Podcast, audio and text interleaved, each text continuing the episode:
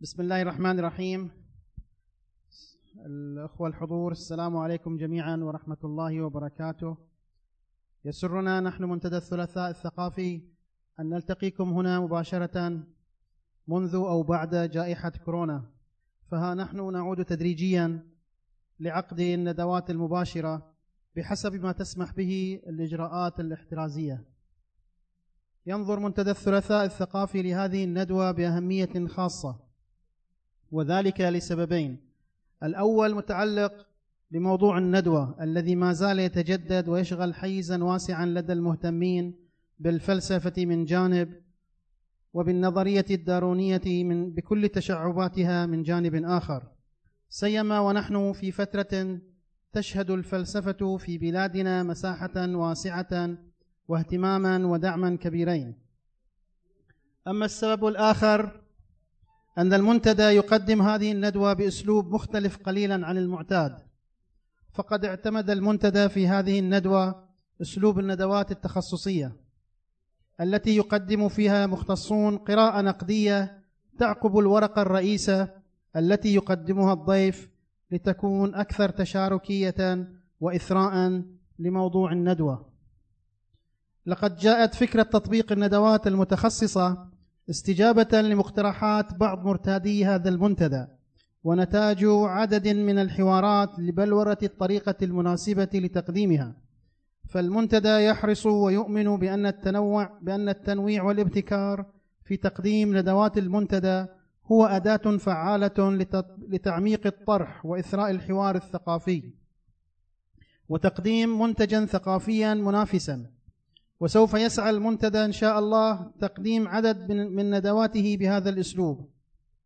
وأنتم بالطبع مدعوون لاقتراح أسماء شخصيات يمكنها أن تثري هذا النوع من الندوات فالمنتدى منكم وإليكم.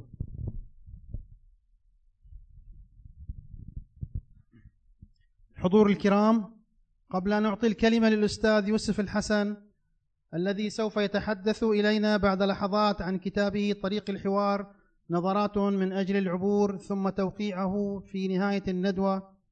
أود التعريف بشكل موجز بالأستاذ يوسف أحمد الحسن فهو كاتب له عشرات المقالات في عدد من الصحف المحلية اليومية. عمل صحفيا متعاونا مع جريدة الرياض كما سبق له أن أدار منتدى أبو خمسين الثقافي لعدة سنوات. وطبع له عدة كتب منها على ضفاف الورق وطريق الحوار. الحضور الكرام قبل أن أعطي الكلمة للأستاذ يوسف الحسن أود باسم أن أتقدم باسم منتدى الثلاثاء الثقافي بخالص الشكر والامتنان لتجمع الرواد الثقافي على استضافة هذه الندوة وتقديم كل الدعم لتسهيل عقدها. فهذه الاستضافة تمثل إحدى قنوات التواصل التي يحرص المنتدى لتقديمها. فهذه الاستضافة تمثل إحدى قنوات التواصل التي يحرص المنتدى عليها للتعاون وعقد الشراكات مع مختلف الجهات الثقافية ذات الاهتمام المشترك لتوسيع دائرة التعاون ولإثراء الساحة الثقافية. كما يشكر المنتدى الأستاذ حسين الجنبي. موجود؟ مقدم هذه الندوة الذي كان له الدور التنسيقي الرئيس لتنظيم هذه الندوة فله منا كل الشكر والتقدير. كما نشكر الضيوف الكرام آه الذين أتحفون بتواجدهم معنا سواء من داخل القطيف أو خارجها أو من خارج المنطقة. حضور الكرام هذه آخر مرة. قبل أن أعطي الكلمة للأستاذ يوسف الحسن وقبل أن تبدأ الندوة التي سوف يديرها الأستاذ حسين الجنبي أقول شكرا لكم جميعا وشكرا لتواجدكم. والسلام عليكم ورحمة الله وبركاته. بسم الله الرحمن الرحيم. السلام عليكم ورحمة الله وبركاته وأهلا وسهلا بكم. في البداية أتقدم بالشكر الجزيل لمنتدى الثلاثاء الثقافي على إتاحته الفرصة لي للحديث إليكم. ولتوقيع الكتاب وهي فرصة مناسبة جدا. ولن أضيف جديدا إلى هذه الوجوه هذه القامات الثقافية لكنني لدي خمس دقائق أو أقل أتحدث فيها عن فكرة الكتاب. الكتاب يتحدث عن موضوع الحوار وموضوع الحوار هو موضوع متشعب وكبير وقد كتبت عشرات إن لم يكن يعني مئات الكتب آه، باللغة العربية حوله. آه، لذلك فكرت أن يكون أو تكون فكرة الكتاب أن أبسط فكرة الحوار. وهذا يعني نهجي في طريقة الكتابة هي أن أكتب بطريقة سهلة بحيث يستطيع أن يفهمها آه، الجميع. هذا الكتاب هو كتابي الخامس في الحقيقة مو الثاني. ثلاث كتب لن أذكر أسماءها ولدي لدينا الآن فقط كتابان. هو كتاب على ضفاف الورق وكتاب طريق الحوار. طريق الحوار هو مجموعة مقالات كتبتها ونشرت في جريدة اليوم آه، ابتداء من العام 2016 ثم 2017 مقال أسبوعي كان وكنت يعني أحاول أختار آه، يعني الموضوعات الصعبة في الحوار وأبسطها. وأعتمد يعني أسلوب بعض الكتاب. أحاول يعني أن أستخدم أسلوب بعض الكتاب الكبار الذين يبسطون أو يسهلون آه، الفكرة. ولذلك كنت حري كنت حريصا على أن أختار العنوان المناسب وأختار أيضا الجملة والجمل الأولى بحيث تكون جاذبة جدا. ولذلك قال لي الكثير الكثير من القراء كانوا يقولون أنه يعني ما أن يبدأون في قراءة المقال حتى ينهوه. وكنت حريص أيضا على أن عدد كلمات المقال لا تزيد عن 400 وفي حالات نادرة كانت تصل إلى 500 آه، كلمة. وفي حال تطلب الموضوع آه، حلقة أخرى كنت يعني آه، أقوم بكتابة حلقة أخرى. وفي مقال يعني في واحدة من العناوين مثل حوار الأديان كتبت عنه سبع مقالات متتالية وهذا في رأيي أفضل من كتابة مقال واحد 2000 أو 3000 كلمة. يعني يندر جدا أن يعني في مجتمع مجتمعاتنا بشكل عام أن يقرأها الناس. يمكن يقرأ بدايتها لكن البحث الكامل ما يقرأ إلا المتخصصين أو يعني اللي يعني الأشخاص الذين ينوون عمل بحث. أو يريدون الرجوع إلى المقال أو آه، الموضوع اللي اللي يريدون البحث عنه. ولذلك كانت فكرتي هو تبسيط الفكرة وإعطائها يعني لقمة سائغة وبسيطة لعموم الناس بحيث أن يقرؤونها ويستفيدون منها. وإلا ما هي فائدة أن يعني يكتب الشخص يعني مقال أو مقالات ولا أحد يقرأها. يجب أن نبسط المقالات لعموم الناس. طبعا هناك شرائح لا يصلح لها هذا النوع من الكتابة يعني يصلح لها مستوى أعلى فلهم كتابهم الخاصون. أنا أستهدف فئة معينة آه، مستعجلة آه، لا تحب القراءة المطولة لا تحب الأبحاث والدراسات. هذه الفئة التي أستهدفها رغم أني في كتاباتي السابقة كتبت ثلاث دراسات. لكن في مجالات سياسية وصعبة آه، الآن كتاباتي تركز حول موضوعات يعني ومقالات مبسطة وتحاول أن تنحى منحى الكتابة الإبداعية. كتبت حوالي 44 مقال نشرت في جريدة اليوم قبل أن يعني يتم إيقافي عن آه، عن الكتابة في الجريدة. فتوقفت. الآن المنحى الآخر آه، هو أنه الجرائد لا تعطي يعني مقابل الكتابة كلها تقريبا. آه، مشروعي القادم هو الكتابة حول القراءة. كتبت حوالي 80 مقال أيضا مبسط حول القراءة. أستهدف مئة مقال وبعد ذلك سوف آه، أطبعه في كتاب واحد.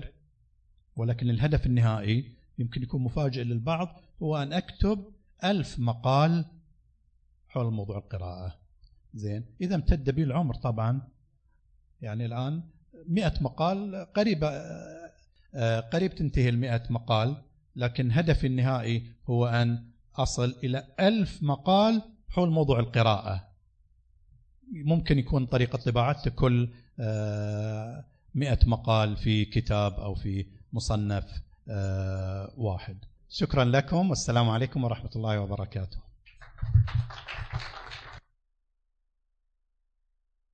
شكرا لك أستاذ يوسف. آه، طبعا الكتاب موجود راح يكون على طاولة آه، في الخلف في الجانب الآخر للتوقيع والاقتناء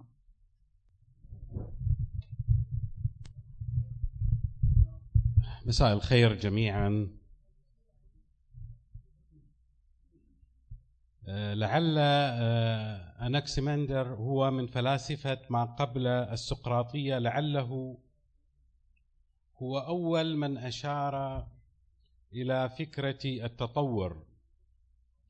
وفي السنة الستمائة قبل الميلاد آه، انتشرت هذه الفكرة. أشار إليها الفيلسوف المذكور عندما اقترح أن الحيوانات الأولى عاشت في المياه وقد تولد منها حيوانات اليابسة. بعده بمئة سنة نظر فيلسوف يدعى أمبادوكلس إلى نشأة الحياة الأولى متخذا التكيف عاملا وحيدا للارتقاء والتغير والتطور. الطاوية الصينية جايلت إمبادوكلس حيث القرن الخامس قبل الميلاد وأحد روادها يدعى جوان كيتسو الذي أكد على أن الأنواع الحية يحكمها تطور ثابت. القديس أوغسطين في القرن الرابع الميلادي لم يكن غريبا على فكرة التطور والتحول فقد أوصى ألا تقرأ قصة الخلق في سفر التكوين قراءة حرفية حيث جادل لاهوتيا بأن كل شيء في الكون قد خلقه الله في لحظة واحدة وليس في ستة أيام وهذه اللحظة أعطت شكلا متغيرا ومتحولا للكون. في البيئة الفكرية العربية والإسلامية أشار الجاحظ في كتابه الحيوان إلى فكرة الصراع من أجل البقاء والاستمرار وإلى حيوانات أبيدت وانتهت لانهزامها في معركة الطبيعة. في القائمة العربية يوجد أيضا إخوان الصفا وابن مسكويه وابن سينا وابن خلدون وغيرهم ممن وعوا إلى فكر إلى فكرة التطور من البسيط إلى المعقد. في الغرب تحديدا عام 1859 نشر كتاب أصل الأنواع الذي شكل أساسا لعلم الأحياء التطوري. أثار الكتاب الأوساط العلمية والدينية في إنجلترا وسرعان ما ترجم إلى الفرنسية والألمانية واللغات الأوروبية الأخرى ليثير موجة صاخبة كالتي حدثت في قلب لندن. في عام 1882 رحل داروين ودفن بجانب نيوتن بطلب من الجمعية الملكية. بعدها قام سبنسر بتبيئة نظرية التطور في المجال الفكري وخرج من عباءته الداروينية الاجتماعية التي تأثر بها كثير من المثقفين آنذاك. ومنهم من مصر شبل شميل الذي انعكس ذلك عبر مواقفه السياسية كتأييده للإنجليز في موضوع قناة السويس ونصرته لبقاء الاستعمار على أرض بلاده. وبوتيرة أقل إسماعيل المظهر الذي ترجم أصل الأنواع هو الآخر أغراه وهج الداروينية الاجتماعية التي لم تتسق وشخصية داروين الذي عرف بالتسامح بين الأعراق متفردا بذلك على أيقونات الفلسفة والفكر في تاريخ الغرب كما نجد عند كانت في كتابه الجغرافيا الطبيعية الذي ينضح عنصرية وكراهية لغير الجنس الأبيض والذي تأثر كانت تأثر بآراء هيوم في رأيه الشهير حول الأجناس. الليلة سادتي الكرام موضوع أمسيتنا تأملات فلسفية في الداروينية الأولى. يعيدنا إلى مقالة ديكارت الشهيرة تأملات ميتافيزيقية في الفلسفة الأولى. لكن ضيفنا الأستاذ أحمد المدلوح يجادل بأن نظرية التطور باستطاعتها أن تبني لنا سياقا فلسفيا منتظم منتظما ومتكاملا. يقدم الأستاذ المدلوح خلاصة ورقته ومن ثم يقوم الدكتور محمد هويدي والأستاذ وليد الهاشم بالتعليق على ما فيها. الليلة أنعم فكرا وثقافة مع ثلاثة من أشد العقول استنارة وأكثرها نقدا في مجتمعنا الجميل. أبدأ بتعريف سريع للأستاذ أحمد. أولا قبل أن نبحر الأستاذ أحمد رضا المدلوح هو الرئيس التنفيذي لمجمع المدلوح الطبي بسيهات حاصل على ماجستير في إدارة الأعمال من جامعة نيويورك بجانب آه، تخصص بجانب تخصص أحمد لديه اهتمام أيضا بالفلسفة والعلوم وعلى الأخص ما يتعلق بنظرية التطور في أبعادها الفلسفية والأنثروبولوجية والنفسية. هو أيضا عضو في الجمعية الفلسفية السعودية ويدير حلقة نقاش سقراطية في إثراء تحت اسم مقهى سقراط الجبل. إليك المايك أستاذ أحمد.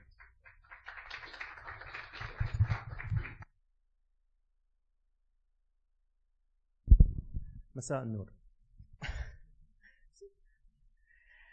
آه، أنطلق في ورقتي هذه مستلهما المبدأ الديكارتي الذي يقوم على محاولة تطبيق منهج معين في موضع آخر غير الموضع الذي وضع لأجله ابتداء. فهو أي ديكارت حين طبق منهجه الرياضي في العلوم كان هذا المنهج مبنيا على مجموعة من الحقائق كما يقول وقد أثمرت عن نتائج أزالت بعض الصعوبات في فهم العلوم في زمانه مما شجعه لتجربة هذا المنهج في الفلسفة. سأناقش هنا أثر الفهم الدارويني على الاشتغال الفلسفي وخصوصا على نظرتنا للطبيعة البشرية. وكما تمنى ديكارت في تأملاته فإنني كذلك أرجو أن ينظر لحججي التي سأطرحها بذهن متحرر من الانحياز والتعصب لأية أفكار سابقة. رغم يقيني بندرة هذا النوع من البشر كما يقول ديكارت. طبعا أنا قاعد أشتري ود أستاذ وليد وأستاذ أبو مصطفى؟ إلا أنني وعلى عكس ديكارت لا أدعي الوصول إلى أي حقيقة بل أبقى مستمرا في الشك والبحث والتحري والسقرطة كما أن الفلسفة في تاريخها لم يحدث بها أي تغيير جوهري منذ زمن الفلاسفة الإغريق منذ أرسطو تقريبا إلى أن جاء ريني ديكارت نفسه في القرن السابع عشر بمنهجه في الشك فإن المعرفة البيولوجية بالطبيعة البشرية لم يحدث بها أي شيء يذكر منذ زمن الإمبراطورية الرومانية وبالتحديد مع الطبيب جيلانوس إلى أن جاء تشارلز داروين في القرن التاسع عشر بفكرته في التطور أو على وجه الدقة نظريته في أصل الأنواع بالانتقاء الطبيعي. في هذه التأملات سأجادل واخترت لفظ تأملات لكي لا نذهب عميقا لكل لأن كل فقرة سأتحدث فيها تحتاج إلى تفصيل أكثر فطلب مني أن أختصر وسأحاول الاختصار على قدر ما أستطيع. سأجادل بأن فكرة التطور كما طرحها تشارلز داروين والتي سوف أشير إليها من الآن ولاحقا بالداروينية بالإضافة إلى كونها نظرية علمية هذا لا خلاف فيه فإنها أيضا تنتمي للمجال الفلسفي وأن ما يترتب عليها في الفلسفة هو بذات الأهمية والأثر والعمق الذي نجده في تطبيقاتها العلمية. في هذه الورقة أعرف الداروينية بأنها رؤية للعالم world view مبنية على نظرية داروين. تكمن أهمية هذه الأطروحة في حقيقة أنه بينما الداروينية بالكاد نجد من يعارضها في المجتمع العلمي إلا أنها ما تزال محط خلاف وجدال عندما يتعلق الأمر بالمسائل الفلسفية. ومن أشهر الأمثلة الفيلسوف الراحل جيري فودور آه، هو طبعا كان يدرس فلسفة العقل من جامعة روتجرز في أمريكا. في نيوجيرسي الذي كان يعتبر الانتقاء الطبيعي مغالطة حيث أن إشكاله الرئيس هو حول الآلية التي يتم بها الانتقاء آه، لصفة دون أخرى ضمن نفس العوامل الطبيعية. وكذلك الفيلسوفة الراحلة ماري, مجدل مجلي الفيلسوفة البريطانية والتي ذهبت آه، لأبعد من ذلك لترفض تصنيف الداروينية كنظرية علمية بل واعتبرتها دينا في جدالها أن العلم لا يمكن أن يكون بديلا للإنسانيات وأن الطبيعة موجودة لكي نتعلم منها لا لكي نفهمها. طبعا آه هذه للإشارة إلى أن هناك جدل داخل البيت الفلسفي حول النظرية. وبالرغم من وجود هذا الجدل بين الفلاسفة فإن الداروينية ليست بالعادة موضوعا فلسفيا يدرس في كليات الفلسفة أو يكتب عنه في الكتب الفلسفية المرجعية. لهذا السبب أجادل بأن تبني المنهج التطوري في الفلسفة وهذا يعني استعمال الداروينية ونتائجها كإطار نظري للبحث كما فعل كارل بوبر مثلا. آه، سيدفعه سيدفع بالتفكير الفلسفي إلى الأمام وسيساعدنا لإجلاء الغموض حول مواضيع فلسفية أساسية مهمة دار حولها الجدل كثيرا كالطبيعة البشرية، طبيعة الإله، الأخلاق، حرية الإرادة وما إلى ذلك. التأمل الأول حول ما نعنيه عندما نقول أن نفكر فلسفيا في السياق الدارويني. من ناحية المبدأ العلم والطريقة العلمية يتعاملان فقط وفقط بالأدلة التجريبية والمشاهدة والقياس وليس من ضمن نطاق عملهما المفاهيم المجردة والأسئلة الفلسفية أو الروحانية حيث أن هذه الأخيرة تقتضي بطبيعتها التكهن أو السبيكيوليشن وهذا هو دور الفلسفة. ولكن الداروينية تقدم معطيات مهمة وأسسا قوية يبنى عليها التكهن الفلسفي ولذلك ينبغي أن تعتبر الداروينية فكرة فلسفية تتجاوز ما يمكن للعلم إثباته أو دحضه. تماما كما أن الباحثين في حقول معرفية غير بيولوجية كعلوم النفس والاجتماع والأنثروبولوجي يقومون بأخذ المسلمات الداروينية للبناء عليها في أبحاثهم التي في بعض الأحيان لم تكن لتعطي أي معنى ما لم يتم فحصها من خلال العدسة الداروينية كما ذكر ذلك أستاذي في الأنثروبولوجي جو هنريك الأستاذ في جامعة هارفرد وأستاذنا أيضا جوناثان هايت أستاذ علم النفس الاجتماعي في جامعة نيويورك. وأيضا دان دينيت أيضا الفيلسوف المعروف من جامعة تافتس وكمثال على ذلك رفضت الداروينية من قبل اللورد كيلفن مثلا آه، عالم الفيزياء المعروف والذي أطلق اسم أطلقت اسم وحدة القياس الحرارة كلفن على عليه يعني اللي هو كان يبحث عن الصفر المطلق. داروين كان يقدر المدة اللازمة لظهور الأنواع الجديدة من الكائنات الحية بملايين السنين.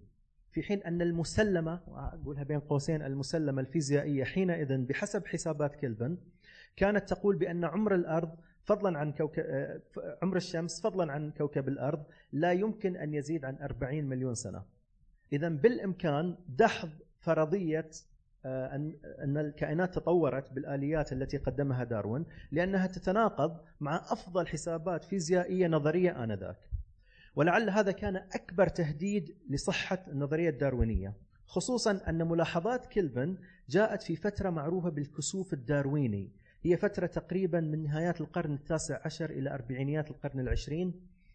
خفت ضوء النظرية الداروينية ولم تكن محل ترحيب من قبل معظم علماء الأحياء إلى أن جاء آه، هانز بيتا آه، آه، عالم الفيزياء المعروف والحائز على نوبل صديق أينشتاين اللي طور القنبلة الهيدروجينية. هذه من حسناته ولا من سيئاته ما أدري. ووضع نظريته في التفاعلات النووية الحرارية الناتجة عن قوة احتراق النجوم والتي رفعت هذه الحسابات عمر الشمس للمعامل 100 فصار عمر الشمس أكثر من 4 مليار سنة بعد أن كنا نتحدث عن 40 مليون سنة. ولذلك أعطيت مصداقية جديدة للنظرية الداروينية هذا في الجانب الفيزيائي. طبعا في عندنا أيضا دوبجانسكي في الجانب البيولوجي وهذا أيضا مبحث طويل جدا آه، عندما تم دمج المندلية الوراثية وعلم دراسة آه، علم السكان دراسة تطور السكان بالبيولوجيا وعلوم الأحياء الأساسية. هذه أيضا تحول محوري مهم اللي يسمونها the new synthesis اللي صارت في أربعينيات القرن الماضي. وولدت الداروينية من جديد وحصل لها مثل البعث وبدأ تؤخذ أبحاثها على محمل جد وخلاصة القول في التأمل الأول هي أن النظرية على النظرية العلمية أن تكون متسقة مع الحقائق المتقاطعة معها في العلوم الأخرى وأن يكون الشك فلسفيا في التكهن وليس في الحقائق العلمية ولهذا فإن صحة الداروينية وحقيقتها يمثل فتحا فكريا تبنى عليه الحجج الفلسفية كما فعل كارل بوبر في كتابه المعرفة الموضوعية Objective Knowledge حيث استخدم النموذج الدارويني كأساس لنظريته الخاصة بالمعرفة في الإبستمولوجي. ولم يناقش بوبر الداروينية كتفسير علمي بصورة مطولة فحسب بل أيضا حاول استنباط فرضية علمية خاصة به مرتبطة بالطبيعة الثنائية للجينات بهدف تقوية الأسس النظرية التي يتكئ عليها الداروينيون الجدد. طبعا اللي يقول أن أحيانا بعض الناس ناقشة يقول لك أو مجرد نظرية. طيب أكيد لازم تكون نظرية، لا يبنى العلم إلا على نظرية، أصلا نحن نحتاج النظرية لكي نبني عليها العلوم. وهذا ما كان يحاول أن يفعله الفلاسفة أمثال آه، كارل بوبر وكون وبشلار وغيرهم.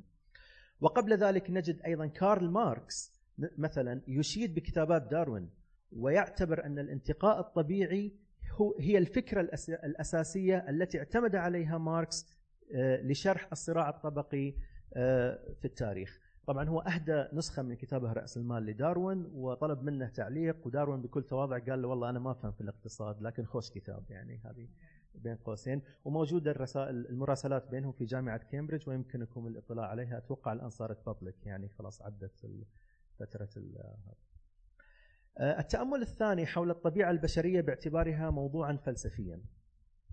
قدمت الداروينية لغة جديدة للتعبير بوضوح عن المفاهيم المتعلقة بالطبيعة البشرية. ومعالجة المشاكل بطرق جديدة. فحدث هنالك تنو... آه، تحول في النمط الفكري بارادايم شيفت حسب ما يقول توماس كون. فكانت الداروينية مغيرة لقواعد اللعبة في مجال الميتافيزيقيا. الميتافيزيقيا أصلا كانت تحتضر بسبب العقلانية. فجاء داروين وأعطاها كذا الضربة الأخيرة. لأنه تجاهل فكرة الجوهر والعرض في تعريفه للأنواع وخصوصا الإنسان. يعني إن هناك عالم مثل في فكرة أساسية كذا اسمها إنسان وهناك نماذج آه، تتمظهر لهذه الفكرة، هذه الفكرة انتهت خلاص مع الداروينية، هي أصلا كانت يعني تناقش من قبل الفلاسفة ولكن جاءت الداروينية تؤكد أن آه، أن هناك طيف من الأنواع وليس أنواع محددة مثل يعني لا تتغير ابدا ويكون لها ريبليكيشن آه، أو يعني نسخ وتكرار بالتمام والكمال لنفس النوع. يقول داروين في مقدمة كتابه تحدر الإنسان لقد كان الحال دوما ومؤكدا بكل ثقة أن أصل الإنسان لا يمكن معرفته لكن الجهل غالبا ما يولد الثقة بدلا من المعرفة. إنهم أولئك الذين يعرفون القليل وليس أولئك الذين يعرفون الكثير. من يؤكدون بإيجابية أن المشكلة أو أن هذه المشكلة أو تلك لا يمكن للعلم أن يجد لها حلا. ولم ييأس ولم يتقبل التفسيرات الموجودة سابقا لذلك أعطى تفسيرا جديدا وحاول أن هو على فكرة لم ينشر كتابه تحدر الإنسان The Descent of Man إلا بعد 12 سنة من صدور كتابه أصل الأنواع. في كتابها أصل الأنواع لم يذكر لا من قريب ولا بعيد أي شيء يتعلق بالإنسان. لأسباب ما ربما خوف من ردة فعل المجتمع ربما لأي سبب كان ولكنه في في تحدر الإنسان لأول مرة يجاهر ويصرح بأن الإنسان جاء من آه، أصول مشتركة مع القردة ومع الكائنات الحية الأخرى في سلسلة الحياة الطويلة جدا التي بدأت بوحيدات الخلية. وهكذا توصل داروين لرأيه المشهور وهو أن الفرق بين الإنسان والثدييات العليا ليس اختلافا في الصنف بل في الدرجة. وبتموضع الإنسان على شجرة الحياة قدم داروين زاوية رؤية فريدة ننظر من خلالها للجنس البشري. زاوية رؤية تجعلهم كائنات عادية ومتفردة في آن واحد. عادية لأن البشر ظهروا بعملية محايدة في الطبيعة by chance من أجداد مشتركين في الطبيعة. وكائنات متفردة لأنهم تمكنوا خلال تاريخهم التطوري من امتلاك الثقافة واللغة. أهم عنصرين طبعا بالإضافة إلى بعض العناصر الفسيولوجية مثل استواء القامة وال opposable thumb وغيرهم وهي خصائص مكنتهم من التفوق على الأنواع الأخرى والسيطرة على كوكب الأرض. وخلاصة القول وخلاصة القول هي أن الداروينية ألغت محورية الإنسان في التاريخ الطبيعي فالإنسان بحسب المنطق الدارويني لم يخلق على صورة الإله. نحن لا نعرف أصلا ما هي صورة الإله لكي نطابق الصورتين. أو كما ورد في التراث الديني سواء في الإنجيل أو في غيره من المرويات أن خلق على الصورة ثم نفخت فيه نسمة الحياة مثل ما يقول الإنجيل أو فنفخنا فيه من روحنا مثل ما يقول القرآن. وهو ليس عنصرا مميزا خارج التاريخ بل وليس هو التاريخ فلم نعد مغايرين للطبيعة. أصلا يعني صار لما واحد يقول أنا عالم تاريخ آه، أستغرب لأنه هو يقصد تاريخ البشر. يعني إحنا نقول واحد يدرس الديناصورات هو يدرس تاريخ لو ما يدرس تاريخ. وقطعا يدرس تاريخ. لكن إحنا كنا متمحورين كل شيء حول الإنسان. كل شيء نعتقده في العلوم يتمحور حول الإنسان. داروين جعل الإنسان فقط جزء من هذا التطور الكبير للبشرية. بل يعني مثلا ديفيد كريستيان عالم آه، أسترالي اخترع مصطلح التاريخ الكبير يتحدث على أن التاريخ بدأ من الانفجار الكبير إلى هذا اليوم باعتباره سلسلة متواصلة لا يمكن أصلا التفريق بين الفيزياء والكيمياء والأحياء وحتى بناء الحضارات إلا من خلال رؤية شاملة ومن ساعد على ذلك هو داروين والداروينية. ومن ثم فحقيقه أننا نمتلك أجسادا حيوانية أصبح ذا أهمية تاريخية وقد تمظهر ذلك كما نقرأ في أعمال ميشيل فوكو في التاريخ السياسي للسيطرة على جسد الإنسان، هذه نصف الورقة تماما وأقول قولي هذا وأستغفر الله لي ولكم.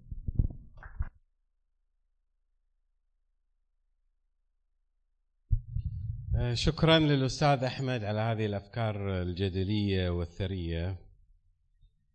الآن يحين دور الدكتور محمد هويدي. آه، نشكره شكرا خاصا على تجشم عناء السفر لمشاركتنا حضوريا. الدكتور محمد هويدي ولد عام 1965 في مدينة سيهات. آه، هو باحث أكاديمي وميداني متخصص في الحواسب العملاقة والخوارزميات والرياضيات التطبيقية التحق بالابتعاث السريع لشركة أرامكو 1984 تخرج بدرجة الماجستير في علوم الحوسبة وهندسة البرمجيات من جامعة الملك فهد للبترول والمعادن. درس الدكتوراه في كولورادو آه، ميدانيا في عام 2001 ساهم في بناء أضخم حاسوب في الشرق الأوسط وأوروبا بقوام آه، عشرة آلاف معالج في عام 2003 آه، حصل على براءة اختراع لمعالجة البيانات الضخمة. من عام 2006 إلى 2009 عمل في آه، إحدى الشركات الكندية لمعالجة الموجات الزلزالية. أصبح عضو تدريس في كلية فرونت رينج في كولورادو لعامي 2016 و 2017 أنتج بعض الأبحاث الميدانية والأكاديمية وهو كاتب في مختلف الشؤون من أهمها العلوم والإصلاح الديني. آه، له كتابان باللغة الإنجليزية وكتاب باللغة العربية. هو تأملات في ظلال الواقع. عمل مستشارا في شركة داو من 2012 إلى 2013 في مجال المعلومات الحيوية. يستلم المايك الآن الدكتور محمد هويدي. عندما نأتي على إنسان أنا لن لن أعترض على ما قاله الأستاذ أحمد. آه، الإنسان كائن مميز ومميز. من ناحية حيوية لا يختلف الإنسان عن بقية الحيوانات. في تقطعه نفس الشيء تقريبا. ولكن هناك اختلافات فسيولوجية طفيفة أدت إلى قفزات معرفية أسية. طبعا على سبيل المثال الاختلاف الفيسيولوجي بين الإنسان والشمبانزي ما يتجاوز 3% متخيلين؟ يعني 3% شيء ضئيل جدا. ولكن هذا الاختلاف الطفيف جعل الفرق بين الاثنين بونا شاسعا. يعني أين أين الشمبانزي وأين الإنسان؟ الجدير بالذكر أن حجم دماغ الإنسان أكبر من الشمبانزي بثلاث مرات. طبعا هذه بسبب الجينات التي يختزنها الإنسان. يظن بعض العلماء أن شمبانزي بكتلة 50 كيلو جرام يستطيع أن يغلب أربعة رجال مجموع كتلتهم 200 كيلو جرام ولكن معركة الإنسان مع الطبيعة ليست عضلية. كثر ما تكون عقلية وفكرية ومعرفية. في شرق آسيا فتى بكتلة 40 كيلو جرام يسيطر على فيل وزنه 4 طن. يعني تقريبا 100 ضعف. ونحن نرى ذلك بأعيننا. وكذلك الإنسان قادر على اصطياد حوت وزنه أو كتلته 200 طن. وهذا بشيء يعني كتلة 50 فيل والحوت أذكى من الفيل. وكان الإنسان يصطاده بأدوات بدائية جدا رماح وحبال.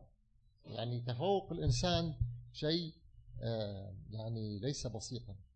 فمن نواحي فسيولوجية يتميز الإنسان على غيره بتركيبة دماغه طبعا الإنسان تميزه في ثلاثة أشياء تقريبا.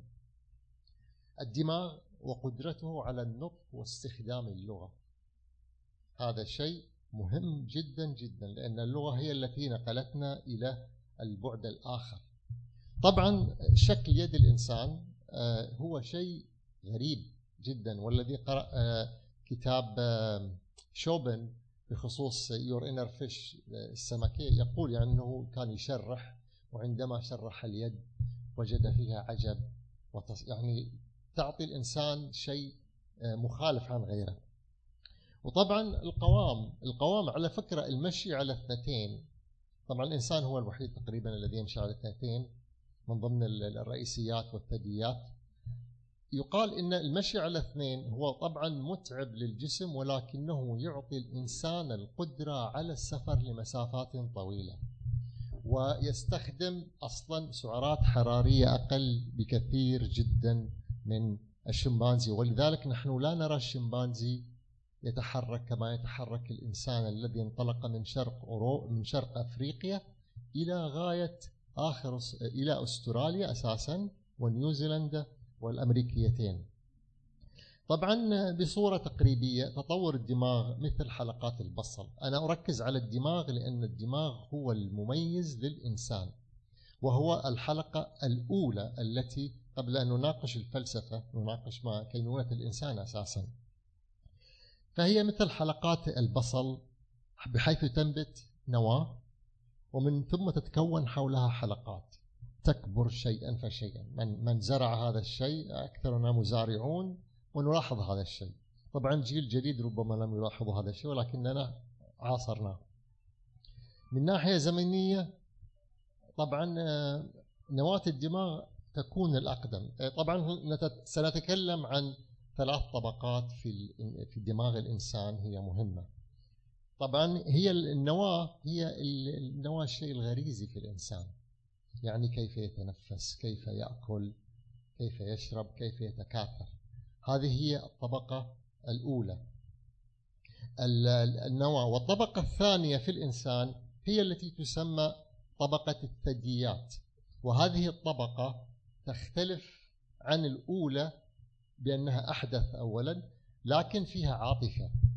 كيف تحدث فيها عاطفة؟ طبعا معروف أن كل الثدييات تحتضن أطفالها بينما الزواحف تأكل أطفالها لا تهتم.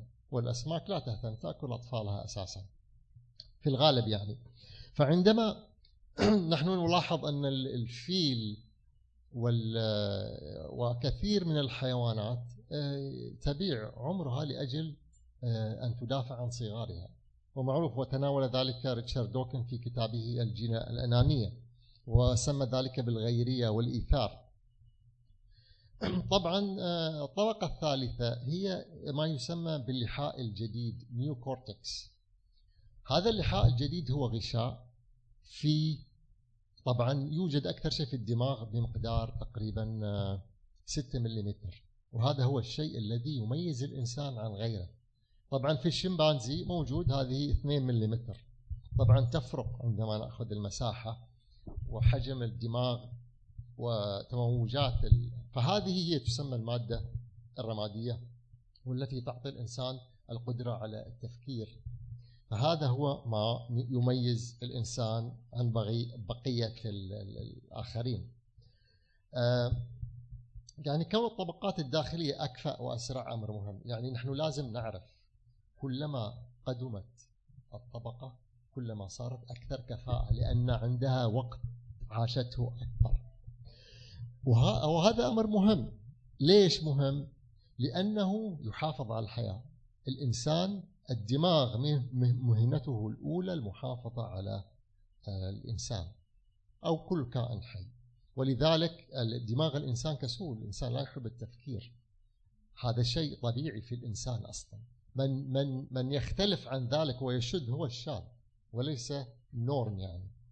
فالإنسان لو سمع صوتا غريبا فإنه في البداية حتما سيخاف وسيهم بالهروب. آه، ويفعل وبعدها ربما يبتعد عن الخطر فيأخذه الفضول ليعود ويتحقق. يعني الإنسان في البداية يهرب أو ينزل عندما يسمع صوتا وبعد ذلك أساسا يتحقق لأن الإنسان فيه فضول. لكن الأهم هو المحافظة على آه، الجنس.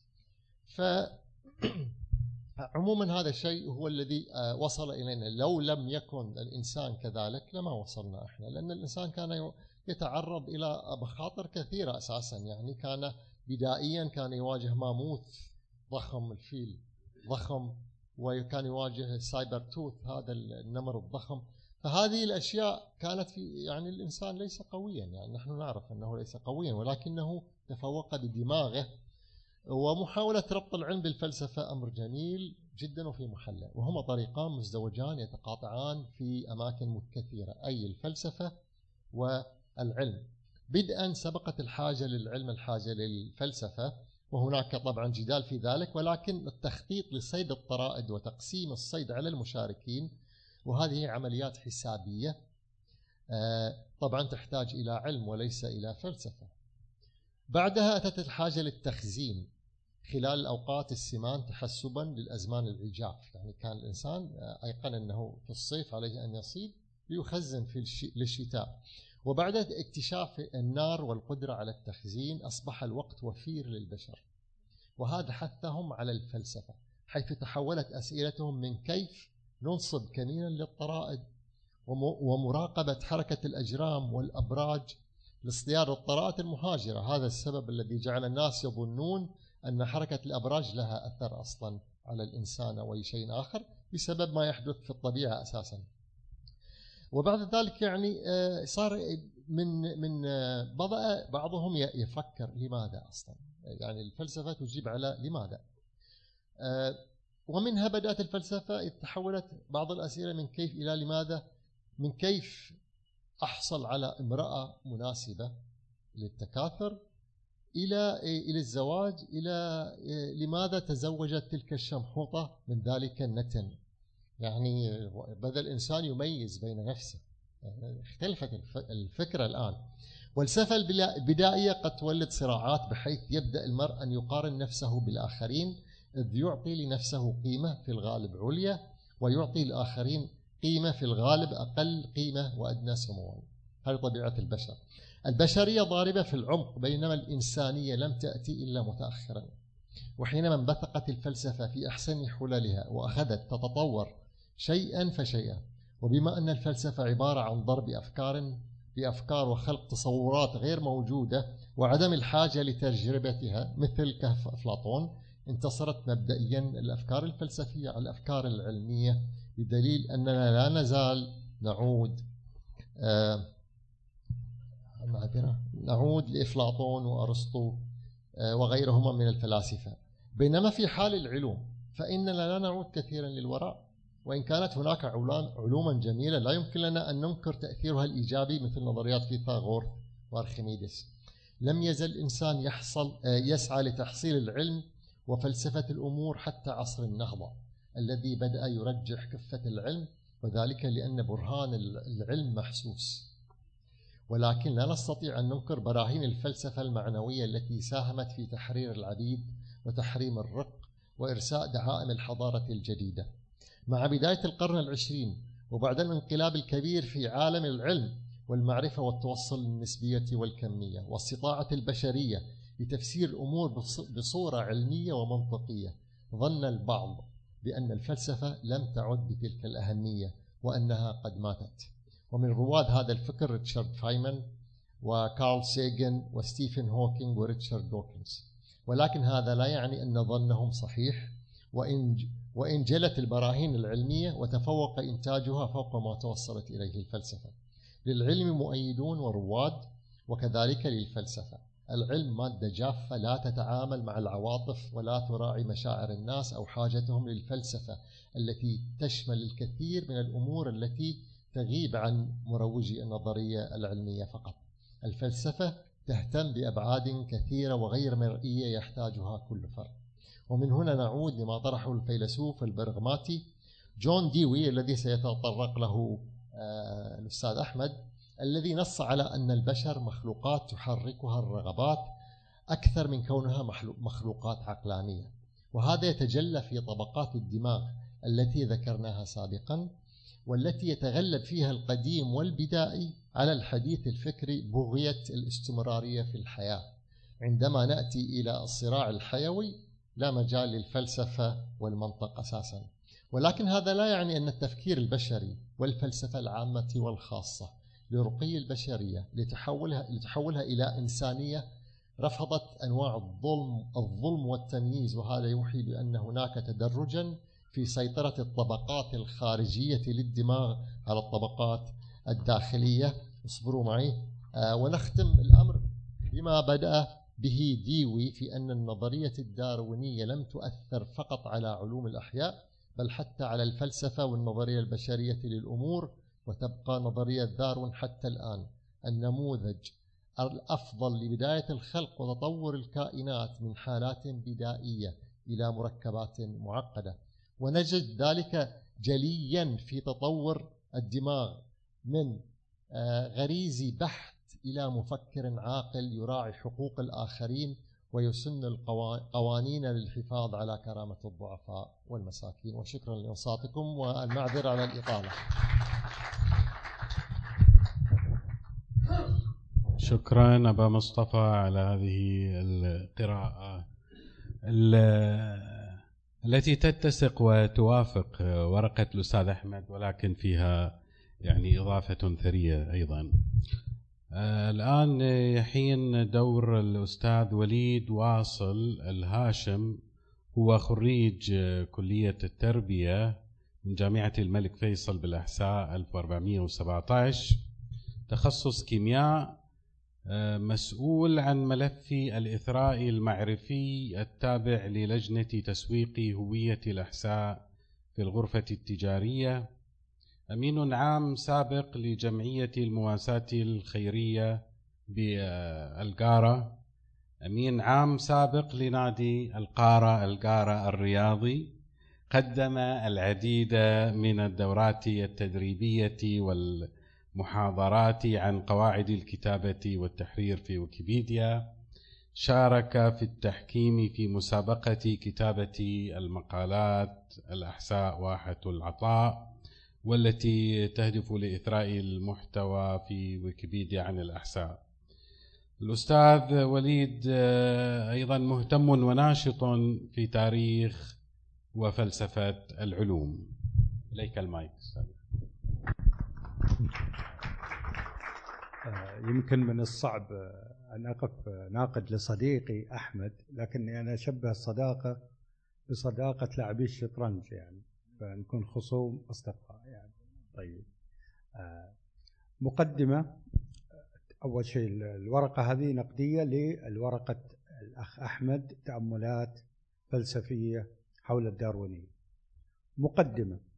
بما أننا نقف هنا لتقديم ورقة نقدية فإنه يجدر التوضيح لبعض المميزات العامة والإشكالات فيما يتعلق بامتداد بامتداد المعرفة المتحصلة من نظرية التطور كواحدة من أقوى نظريات العلم في المجال الإنساني والفلسفي أه، واحد أنها تعتمد على الأحافير والإنتاج الأدبي والفني والسرد التاريخي كمادة للدراسة. أنا أتكلم عن التطور في الجانب الإنساني وليس فقط في الجانب البيولوجي.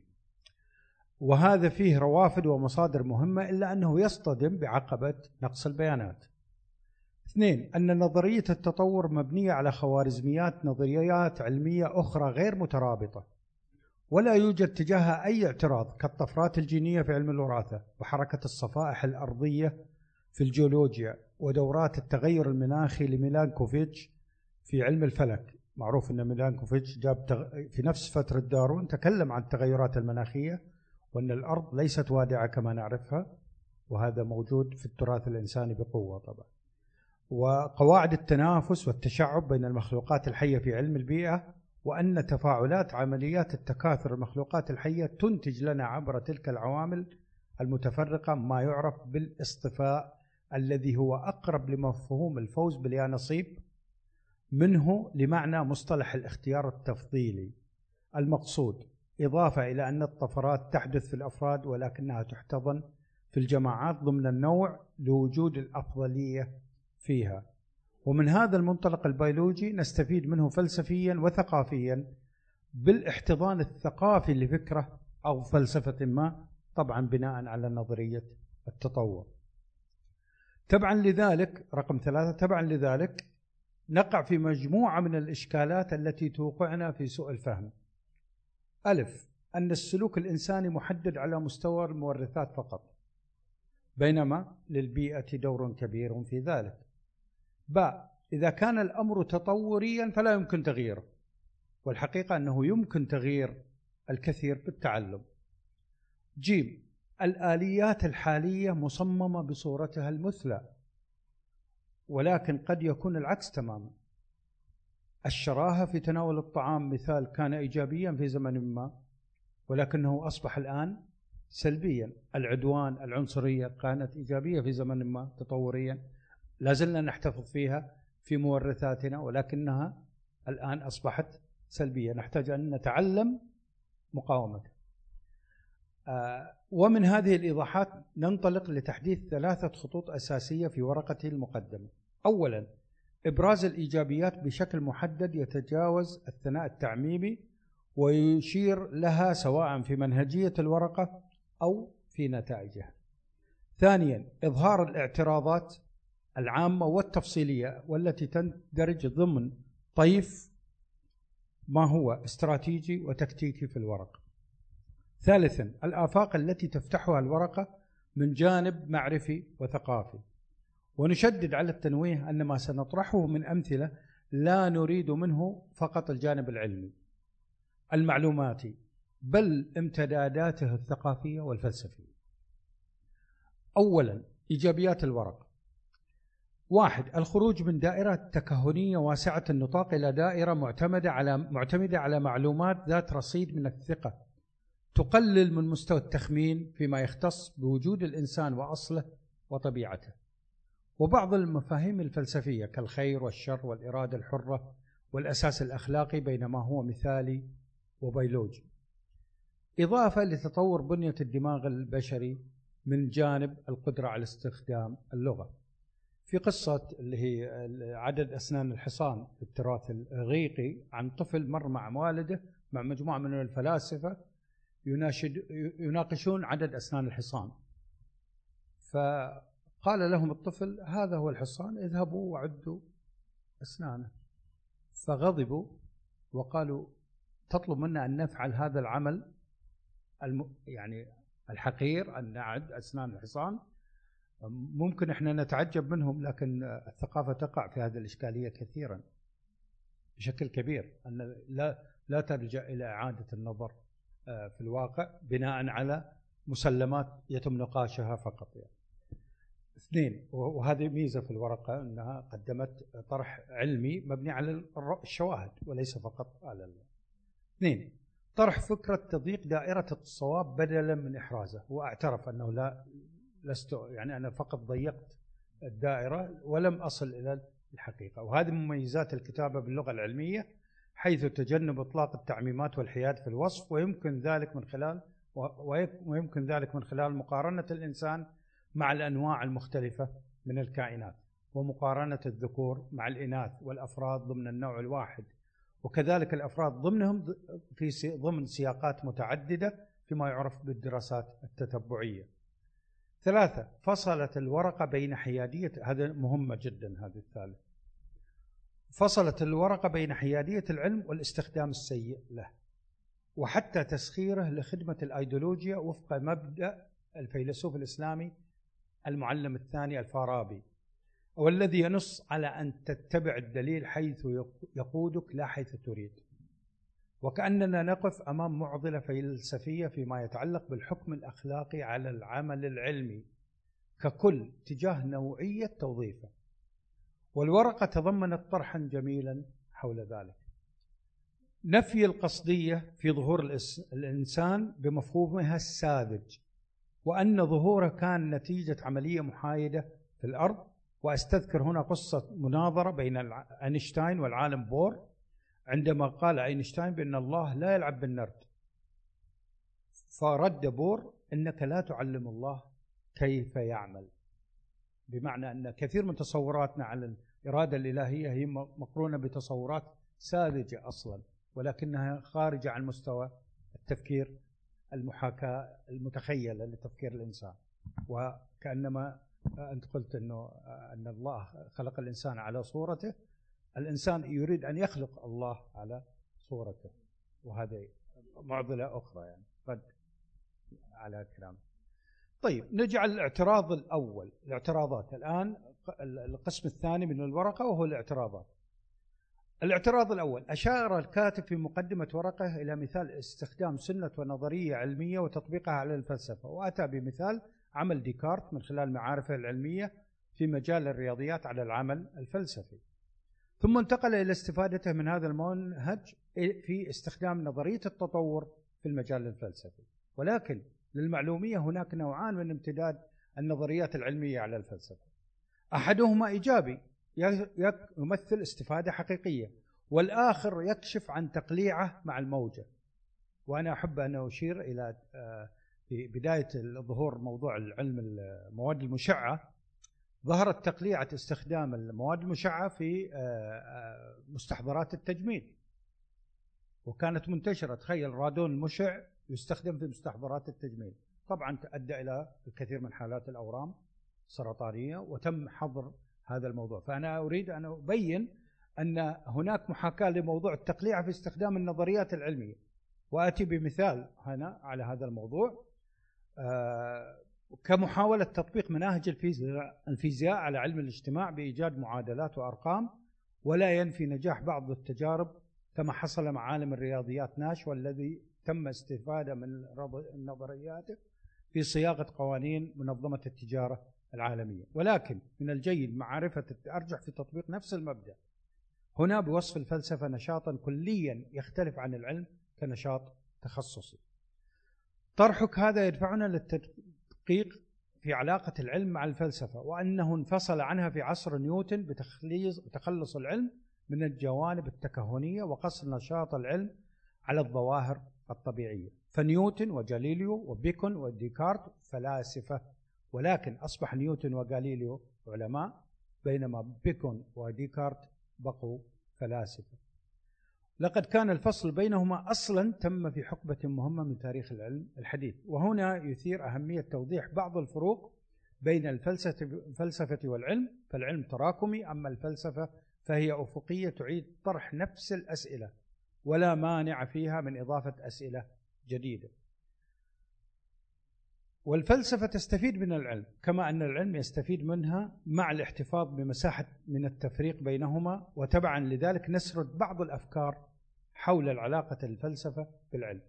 الفكرة الأولى موت الفلسفة اللي ذكرها الدكتور. الفكرة الثانية ذوبان الفلسفة عبر التفكير النقدي. والفكرة الثالثة التي أميل إليها اسمها انزياح الفلسفة. وتعتبر عملية تعاقب بين دور- دورهما بحيث تفسح الفلسفة للعلم الطريق ما دام قادرا على المضي قدما حتى تتولى الدور في فتح أو أفق جديد في حال ظهور العجز العلمي. إذا بدأ العلم يعجز على اكتشاف الأشياء الجديدة والظواهر الجديدة تتدخل الفلسفة كموقف كلي في تقديم هذا المثال على ذلك شجرة الصنوبر تتوسع أفقيا ثم يأتي وقت لا يمكن أن تستمر في التوسع الأفقي فتصعد طبقة أخرى إثر طبقة حتى تستمر آلاف السنين في التمدد التعاقب بين التمدد الأفقي والتمدد العمودي. آه وهذه بالنسبة للموضوع العلاقة بين العلم والفلسفة. وبعد ذلك في ورقتك انتقلت بنظرية التطور إلى منطقة ضبابية. لتكون ليس مجرد رافد علمي للفلسفة بل لتكون بابا فلسفيا شبيها بدور المنطق الرياضي ودور اللغة في المذاهب الفلسفية مقابل دور محدود كدور علم النظائر المشعة في التاريخ. وتحديد عمر الوثائق. ولكنني لا أوجه ذلك كنقد صريح بقدر ما أقول بأن هذه النظرة تحتاج منك إلى إثبات وإلى المزيد من الإيضاحات. فهي محل نقاش كبير وغزير وأتفق معك بأن نظرية التطور تصطدم مع الثقافات والمعتقدات. ولكن هل يجعل هذا منها مذهبا فلسفيا؟ ما رأيك في نظرية الكم التي تتصادم مع أكثر قواعد المنطق ونظرية الانفجار العظيم؟ وقبل ذلك نظرية كوبرنيكوس في نفي مركزية الأرض في الكون. كم بقي من الوقت؟ دقيقة. الاعتراض الثاني ما أريد أنه ممكن راح تنشر الورقة ولكني أنا راح أذهب إلى الآفاق الجديدة اللي تتعلق ب ثالثا الآفاق التي تفتحها الورقة حول ورقة البحث حول الفلسفة والدور أول شيء فهم أفضل لطبيعة الإنسان من خلال مقارنته مع الأنواع المختلفة من الكائنات للإنسان ومع الإنسان نفسه. قبل تأثره بالموروث الثقافي كسلوك الأطفال الرضع ما يقودنا للأساس البيولوجي للأخلاق والجمال. أيضا الجمال له أساس بيولوجي والأخلاق له أساس بيولوجي. وراح ممكن نناقش هذا الموضوع في فترة المناقشات. وقد تعيد النظر في فلسفة القانون والنظام القضائي. مثال التعامل مع مرضى الصرع كمثال قبل آه، يعني قبل ذلك وصفهم متلبسين بالشياطين والآن أصبح مرض معروف الأسباب. ثانيا مقارنة العلاقة الجندرية بين الذكور والإناث للمزيد من الفهم الأكثر اتساعا حول تأثير الذكورة والأنوثة في الثقافة والمعرفة والفلسفة وحتى اللغة مثل شعر الغزل والروايات الرومانسية حول الحب ودور النظرة الجمالية للحياة والمبنية على التشعب التطوري في تفضيلات الإناث للذكور. الشعوب تختلف في تفضيلات الإناث للذكور حسب سجلها وتاريخها. هل واجهت مجاعة؟ هل واجهت أوبئة يتغير التفضيلات وبالتالي تتغير الثقافة. ثالثا تتبع تطور تطورات اجتماعية تاريخية حول مفهوم الهيمنة الاجتماعية التي مهدت لظهور الحضارة. وأخيرا فهم أثر الاصطفاء المقصود اجتماعيا عبر نظريات كنظرية الفرز الدماغي. نظرية الفرز الدماغي هي طريقة تعامل المجتمع مع الموهوبين فيه. الشعوب تتعامل مع الموهوبين بطريقة مختلفة عفوية بعيد عن القرارات التنظيمية. طريقة المجتمع في التعامل مع الموهوبين. وبالتالي الموهبة والإبداع كيف يتعامل مع المجتمع؟ هذه عملية فرز دماغي. هذه العملية تقدم آه، مفهوم تشعبي للشعوب. ليس داروينية نظرية الداروينية الاجتماعية اللي ترى التفضيل ولكن ترى نرى من خلالها التشعب بحيث لا يمكن أن نحكم على أن النظام الاجتماعي في قبيلة معزولة أفضل من النظام أقل أفضلية من نظام اجتماعي في آه، دولة متقدمة. بل نرى في تمايز بين هذا النظام ونظام. وهذا موضوع في الفلسفة السياسية أيضا مفهوم التعاضد التعاضد المؤسساتي والتعاضد المجتمعي وهذا ممكن موضوع يطول شرحه. وحقيقة يحتاج ورقة لوحده يعني هذا الموضوع يحتاج. أعتذر عن الإطالة أن تعديت الوقت بدقيقة وإن شاء الله أني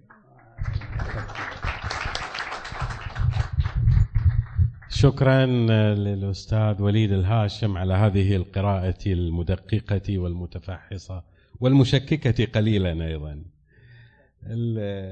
الآن نترك المجال للأستاذ أحمد ثلاث دقائق إلى أربع دقائق في الرد أو التعليق على القراءتين.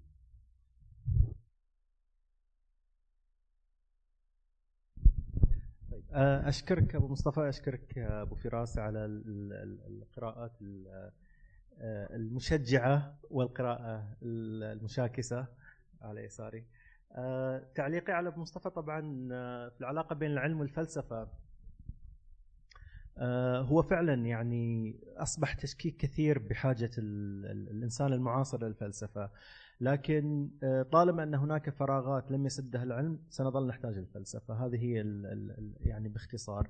آه، داروين نفسه كان يسمى فيلسوفا فيلسوف طبيعي natural philosopher مصطلح عالم نفسه scientist ما كان موجود. يعني يعني أنشأ لاحقا ونحت لاحقا في نهاية القرن التاسع عشر. ف آه، فمجرد ما تخرج الفكرة من دائرة ال speculation أو التكهن إلى دائرة اليقين البعيد عن الشك لا يوجد هناك طبعا يختلفون الفلاسفة أيضا في معنى ال certainty أو أو اليقين.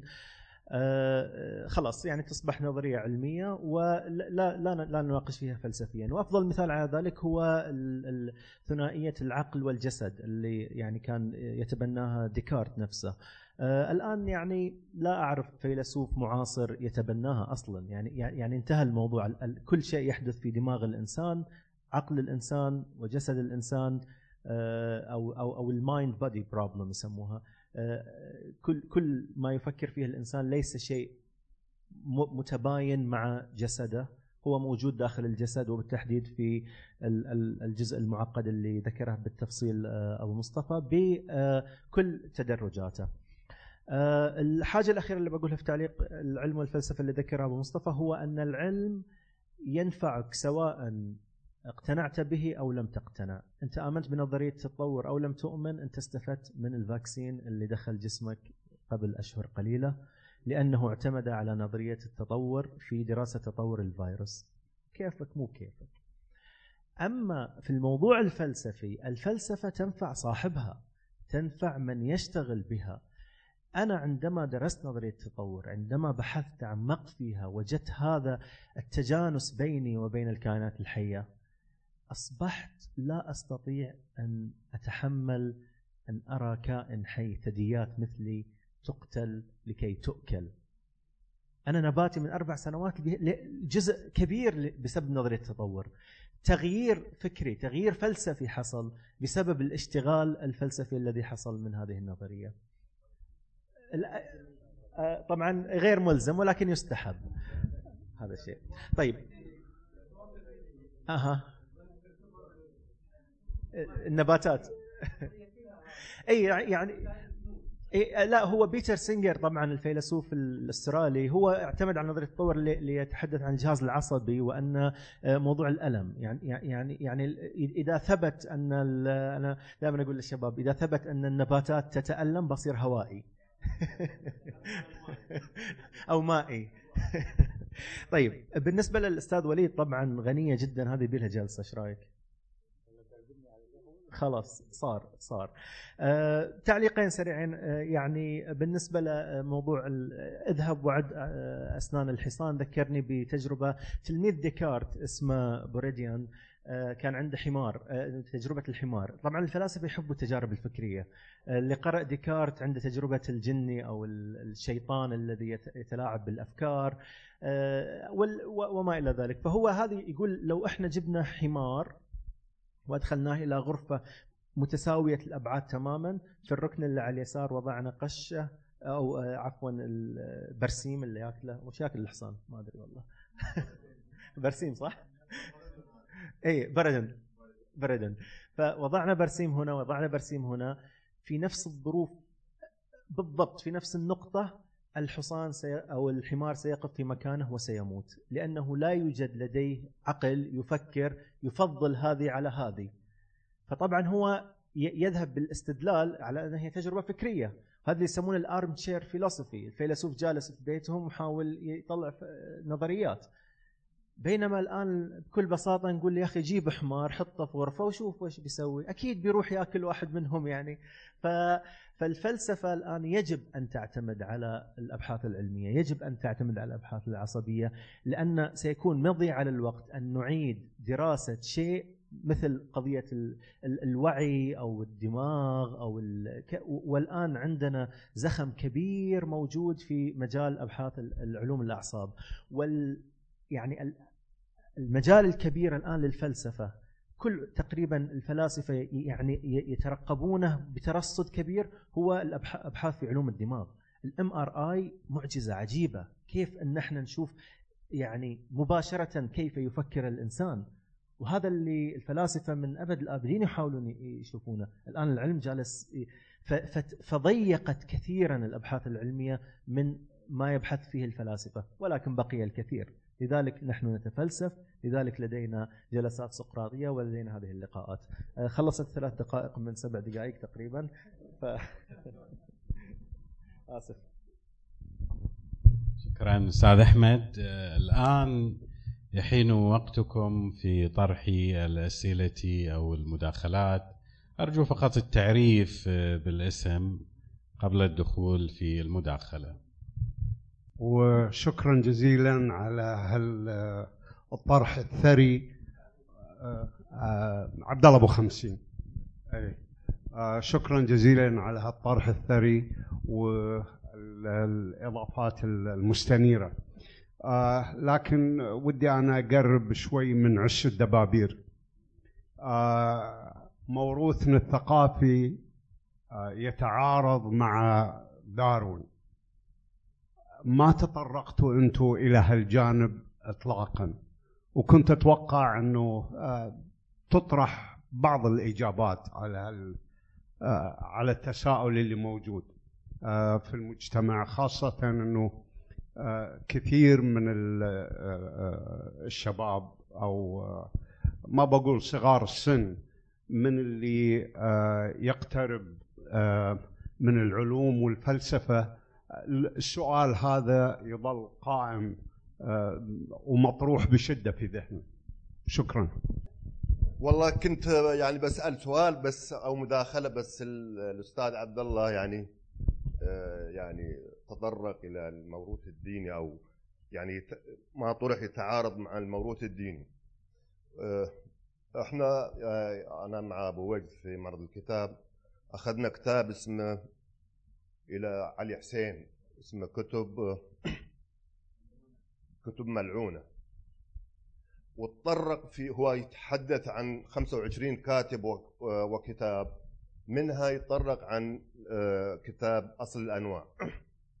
الغريب اللي استوقفني إن آه، إن داروين يعني حسب كلام علي حسين يعني هو مستند إلى بعض شو اسمه؟ بعض المصادر وهو كاتب جيد يعني يقول كان كان غبيا في المدرسة وذهب إلى الطب وطرد لأنه غبي وطرد من آه، كلية القانون لأنه غبي ثم ذهب وأصبح قسا قسا وتخرج قسا قسا. آه، بعد تخرجه من شو اسمه أصبح عاطل عن العمل يعني ينتظر تعيينه في كنيسة. فكان رحلة هي على رحلة ال- البيجل المشهورة. آه، فأخذ له صاحب الرحلة ين- صاحب الرحلة ينتظر ينظر إلى واحد متدين ينظر إلى واحد متدين عشان هي الرحلة سوف تكون في في يعني تديين خلق الله. فشاف هذا عاطل عن العمل فأخذه في الرحلة يعني ضمن الرحلة. هذا في الكتاب نعم. مش الرحلة ص- هذا موجود يعني موجود في الكتاب نعم. امم أيوه. ف... فاخذ فهو يتكلم عن مخلوقات الله في البحار وعن خلق الله في الكون الرجال اشتغل على. شغل ثاني غير اللي هو تديين الرحلة أو شيء من هالنوع.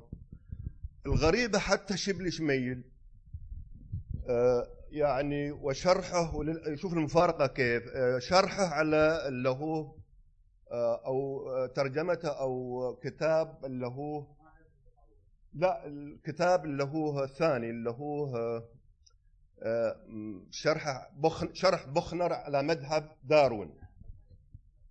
المفارقة أني قبل 35 سنة ش- اقتنيت هذا الكتاب من الرياض من مكتبة سلفية. وهذه هنا مفارقة. وهم كذلك شبل شميل وهو لبناني الأصل آه، هو يعني من آه، من بيئة متدينة. آه، طبعا داروين قاموا عليه في في شو اسمه في الكنيسة. في إنجلترا وكذلك الأزهر ومنهم آه، الشيخ محمد عبده وغيره. الشيخ محمد رضا آه، قاموا على هم كذلك شبل شميل وعلى آه، على النظرية. آه، حول الأستاذ عبد الله يعني فيه يعني آه، قبل أبو وجد قبل قليل يعني آه، استشهد بكثير من علماء الإسلام مثل آه، مسكوي في الفوز الأكبر أو وأخوان الصفا آه، في القرن الرابع الهجري في البصرة تطرقوا إلى النظرية وآخرهم آه، يعني آه، من العلماء آه، ابن خلدون تطرق للنظرية قالها أبو وجد آه، آه، ملا صدرة في الحركة الجوهرية وهي نظرية مشهورة تنسب يعني مو تنسب إلا قالها آه، الحركة الجوهرية وهي نوع من أنواع آه، التطور وفي كتاب آه، إلى أحد طلبة العلوم الدينية وهو آه، الشيخ علي حب الله. آه، عنده كتاب تطور الأحياء وهو آه، يعني رجل آه، يعني آه، من طلبة العلوم الحوزوية. والسلام عليكم ورحمة الله وبركاته. شكرا أبو كفاح. آه، لا هي مداخلة أكثر منها سؤال. آه،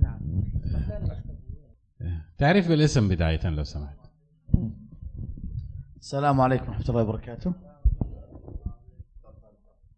آه أنا سعيد اليوم حقيقة. آه سعادتي لا توصف ب- آه، أول مرة أشوف أحمد متألق بالشكل هذا حقيقة يعني. طبعا سعادتنا ستكتمل لو عرفنا اسمك آسف آسف. آه أخوكم عبد العزيز إسماعيل أخوكم الصغير جدا. بإذن الله. شو شو- شو- أشك ألف شكر لك. آه طبعا النقاش جميل رائع. آه يجب يجب ان ان ان أن نحترم داروين في مسألة إنه من الأوائل العلماء اللي آه خصص 30 سنة من عمره في البحث عن أصل الأنواع والأشياء فعليا. يعني آه بحث في الحيوانات بحث في في الحفريات بحث في في وطلع لنا آه أحافير معينة طلع لنا نماذج معينة في في في ال... فيجب أن يحترم هذا ال هذا ال هذا ال طبعا صح خطأ يختلف بس إنه بالنهاية بحث أحسن من غيره يعني. في غيره ما بحثوا بس يتكلمون عن ال ال هذا واحد. اثنين آه الإخوان تكلموا على موضوع ال ال ال ال الجانب الديني يعني. ال- القرآن في في نصوص كثيرة تتكلم على موضوع التطور يعني. آه، ابرز آية و- وخلقناكم أطوارا يعني. إنه version 1 version 2 و- وهكذا يعني. طبعا المسألة قابلة للتأويل لكن ال ال ال ال ال على الأقل على الأقل ال ال ال النصوص الدينية ال ال الإسلامية ب- ب- ب- بتأويل هرمنطيقي معين تؤدي إلى إنه المسألة debatable يعني. على الأقل إنها مسألة debatable في مسألة ال- ال- ال- التطور أو مسألة الأطوار يعني. آه، إني جعل في الأرض خليفة. قال وتجعل فيها من يسفك فيها. آه، من يفسد فيها ويسفك الدماء. فمعناته في something beyond ال... ال- الشخص ال- ال- ال- الخالق. آه، لكن آه، بخصوص الداروينية نفسها آه، نقدها الأساسي يعني كثير من العلماء من من من تلاميذ داروين وغيره تكلموا عن موضوع إذا كان الإنسان تطور على مدار ال- ال- الاربع ملايين سنة أو أو طيب ليش ما استمر في التطور؟ ليش وقف عند مرحلة معينة وخلاص يعني يعني إذا كان القرد هو الأصل أو الشمبانزي أو حتى البونوبو الب- الب- الب- البونوبو هو أقرب الكائنات الحية لل للإنسان جينيا. آه ليش البونوبو وقف والإنسان استمر في في في هذه المسألة؟ لا لا يعني أقصد ال ال ال ال الإنسان ما ما تطور عن ما ما هو عليه إذا كان مسألة الانتخاب الطبيعي بهذا الشكل. أنا أقصد هذه من من الانتقادات اللي حصلت يعني.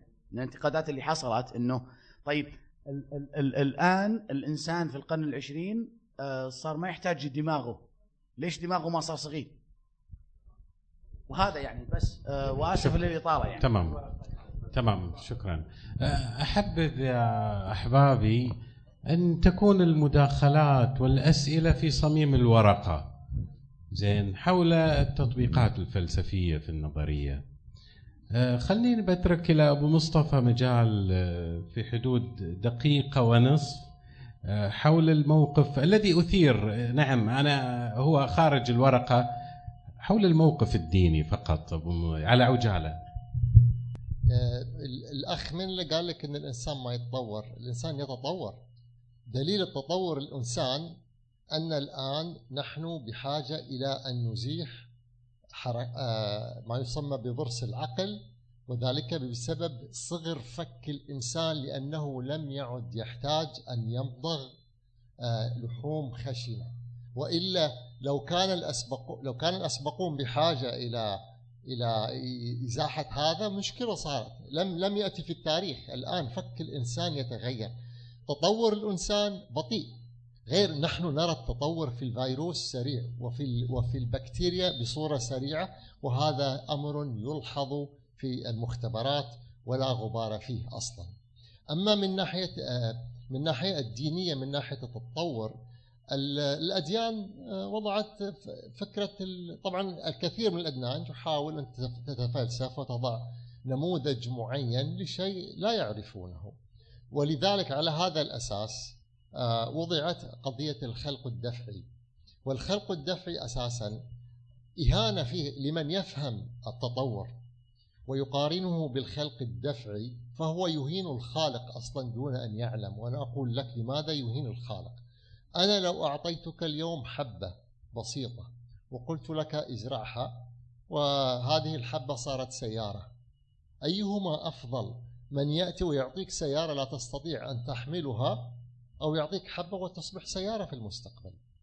هذا هو التخطيط التخطيط العقلاني والديناميكي أصلا أساسا أنا من خلية من خلية وهذا ما يقوله العلماء أن الخلية هذه والكون كله كأنه متوجه لخلق هذا الإنسان. من كيف تطورت وكيف أتت؟ أنا الآن ألاحظ امرا عجيبا هنا وهو أن الساعتين متطابقتين تماما توقفتا في وقت هل هل هذا الشيء صدفة أو غير صدفة؟ هذا الشيء بدأ يشغل دماغي. فعموما قضية التطور فيها في ها؟ آه؟ الله الله أعلم الله ليش؟ على العموم فقضية فقضية آه، الناس عندهم قصة. مشكلة إن إن دائما عندما تأتي فالقصص ال- طبعا هنا أستاذنا أبو مجتبى وهو متخصص في هذه الأمور وي- ويستطيع. هو يأتي بقصة وي- ويضيف على هذه القصة قداسة وعندما يضيف عليها قداسة وتصبح جزء من العقيدة هو يعتقد ويظن بأنك تهاجم عقيدته فأنا مثلا ال- اليوم الذي يقول بأن الإنسان صاحب الصرع أو السكيزوفرينيا آه، عندهم إنهم متلبسون. إنهم متلبسون بالجن يعتبر مجنون نفس الشيء قضية التطور هو نموذج رياضياتي. لا يستطيع الكثير من الناس فهمه والناس أعداء ما جهلوا. فعندما يأتي شخص يحاول أن يفند هذه النظرية من نصوص دينية أو فلسفية هو تعلم أنه لا يستوعب النظرية أصلا. فكيف إن- بإنسان يحاول أن يفند نظرية لا يعرف جوهرها؟ فعموما الحديث يطول ولا نريد دقيقة ونص يمكن ثلاث. تمام شكرا مصطفى. بالنسبة لحجم الدماغ آه، أدمغة البشر إلى قبل أربعين ألف سنة آه، اسمه عادل عبد الله آه، عبد الله البشراوي. كانت رفات ال- الكروماغنن اللي في أوروبا اللي في فرنسا واللي في ألمانيا كانوا إلين أربعين ألف سنة. ال cranial cavity اللي هو حجم الدماغ يوصل ل 1450 سي سي. أدمغتنا ال average حقها متوسط 1300 سي سي يعني صغر حجم الدماغ. والنياندرتال اللي تزامن في ذيك الفترة إلى 50 سنة 60 60 ألف سنة عفوا يوصل إلى آه، يفوق ال 1700 سي سي. مو معنى أنهم أذكى بس لأن في التخصصية صارت آه، آه، آه، أكثر دقة وأكثر تركيزا. وشكرا. تمام جميل. لا نعطي فرصة للأستاذ أحمد في يريد يود التعليق. آه، هناك مقولة آه، بأن الفلسفة تبدأ حيث ينتهي الدين. يعني آخر شيء يوصل الدين تبدأ الفلسفة. وكلاهما يحاول الإجابة عن سؤال الإله. ما فعلته الداروينية أنها تحدت ال- السائد في البحث عن الإجابة على هذا السؤال. هسه الإجابة صحيحة أو خطأ هذا هو دور الفلسفة. هو الآن نبحث فلسفيا هل هذه التكهنات التي تقدمها الداروينية حول الخلق صحيحة أو لا؟ كل شيء الآن نعرفه. من الداروينية يقول أن الإنسان خلق بالتدرج من كائنات أخرى. يعني فكرة أنه من صلصال من حمأ مسموم وبعدين فجأة خلق الإنسان وبثت فيه الروح هذه غير يعني صحيحة آه، علميا. من ولذلك يجب أن نبحث فلسفيا انطلاقا من النقطة التي انتهت منها الداروينية. تاويليا الصديق آه، عادل أيضا له مقولة جميلة يقول لك آدم أنا ما أعرف آدم في التاريخ. صح؟ أنا سمعتها منك هذه. يقول أنا في التاريخ ما أعرف آدم. آدم في الدين أوكي. في الب... إي ما نعرف آدم. ف آه، يعني أنا ما أريد أخوض أكثر ولا يكتب مالك في المدينة. أستاذنا الدكتور أيضا موجود. باحث أيضا في العلوم الإسلامية. أبو مجتبى دكتور توفيق معانا الليلة إذا تحب تضيف شيء. توفيق السيف. حقيقة ما عندي شيء أضيفه للي إلى ما طرح وأنا استفدت كثيرا يعني من طروحات الأخوة الأعزاء والحقيقة أنه معظم ما قيل هو جديد بالنسبة إلي ولذلك ما عندي شيء يعني يمكن أن يوصف كتصحيح أو تعديل أو نقد أو غير ذلك. لكن في مسألة صغيرة جدا وكلكم تعرفوها وهي سؤال المائز بين ما هو دين وما هو غير دين. يعني ما نعتبره موضوعا دينيا وما نعتبره موضوع غير ديني أو خارج الدين داخل الدين. الحين أنا البارحة كنت أسأل بنتي سؤال. أقول لها واحد زائد واحد يساوي اثنين صحيح؟ هذه مسألة دينية؟ ها؟ ما هي مسألة دينية؟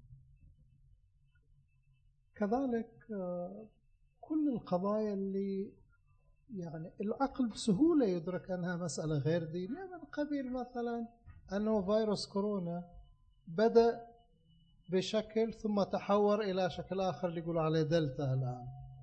هذه مسألة دينية؟ هذه تطور ولا لا؟ ليش إحنا نفترض أن الكلام حول جسم الإنسان سواء بمعنى أنه الإنسان كان مريض ولا صاحي أو أنه كان مثلا شمبانزي وصار آدمي مثلا يعني لماذا نفترض أن هذه مسألة دينية؟ يعني ما هو هل لدينا دليل؟ أو لدينا ضرورة؟ أحيانا ما عندنا دليل بس هو ضرورة عقلية تكون ما عندنا. ما عندنا ضرورة عقلية ولا عندنا دليل شرعي يعني دليل من الدين أو من غير الدين. على أن هذه مسألة دينية بمعنى أننا نسأل عن عن يعني حدود المشكلة وعن حلها من المشرع. عندنا دليل؟ ما عندنا. حسب علمي على الأقل ما عندنا دليل. زين. وحتى الآيات والروايات التي تلقي ضوءا على طبيعة الإنسان وهي موجودة. يعني على سبيل المثال في الجدل بين طبيعة الإنسان هل هي طبيعة يعني فطرته خيرة أو شريرة؟ هي قضية فلسفية معروفة. أنا أستدل بآيات قرآنية على الطبيعة الخيرة مع أنه كثير من الفقهاء والفلاسفة المسلمين يميلوا إلى النظرية الثانية أنه طبيعته شر يعني طبيعته الفساد. لكن مع ذلك يوم اللي أنت تقرر أن تتعامل مع شيء باعتباره دينا هذا شيء شخصي ما هو موضوعي. تمام؟ يعني هذا لا يشبه قولك بأن هذه كاميرا مثلا أو أن هذا بناء. هذا شيء تؤمن به أنت. أنت تقرر أنه والله خلق الإنسان مسألة دينية لكن هل هو قضية دينية؟ يعني هل هو موضوع من موضوعات الحكم الشرعي؟ بحيث لو جينا إلى فقيه وقال أنا ما عندي رأي في موضوع التطور نقول له أنت مثلا ما, ما تفهم في الدين؟ لا. أو أنه أنت ما يعني قاعد تخالف الدين؟ لا. أعتقد والله العالم أنه ما يتعلق بالبيولوجيا ككل. ما هو موضوع ديني.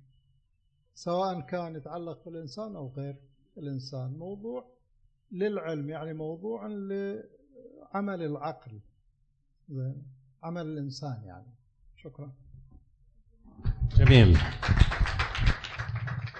طيب آه، ناخذ سؤال لك إيه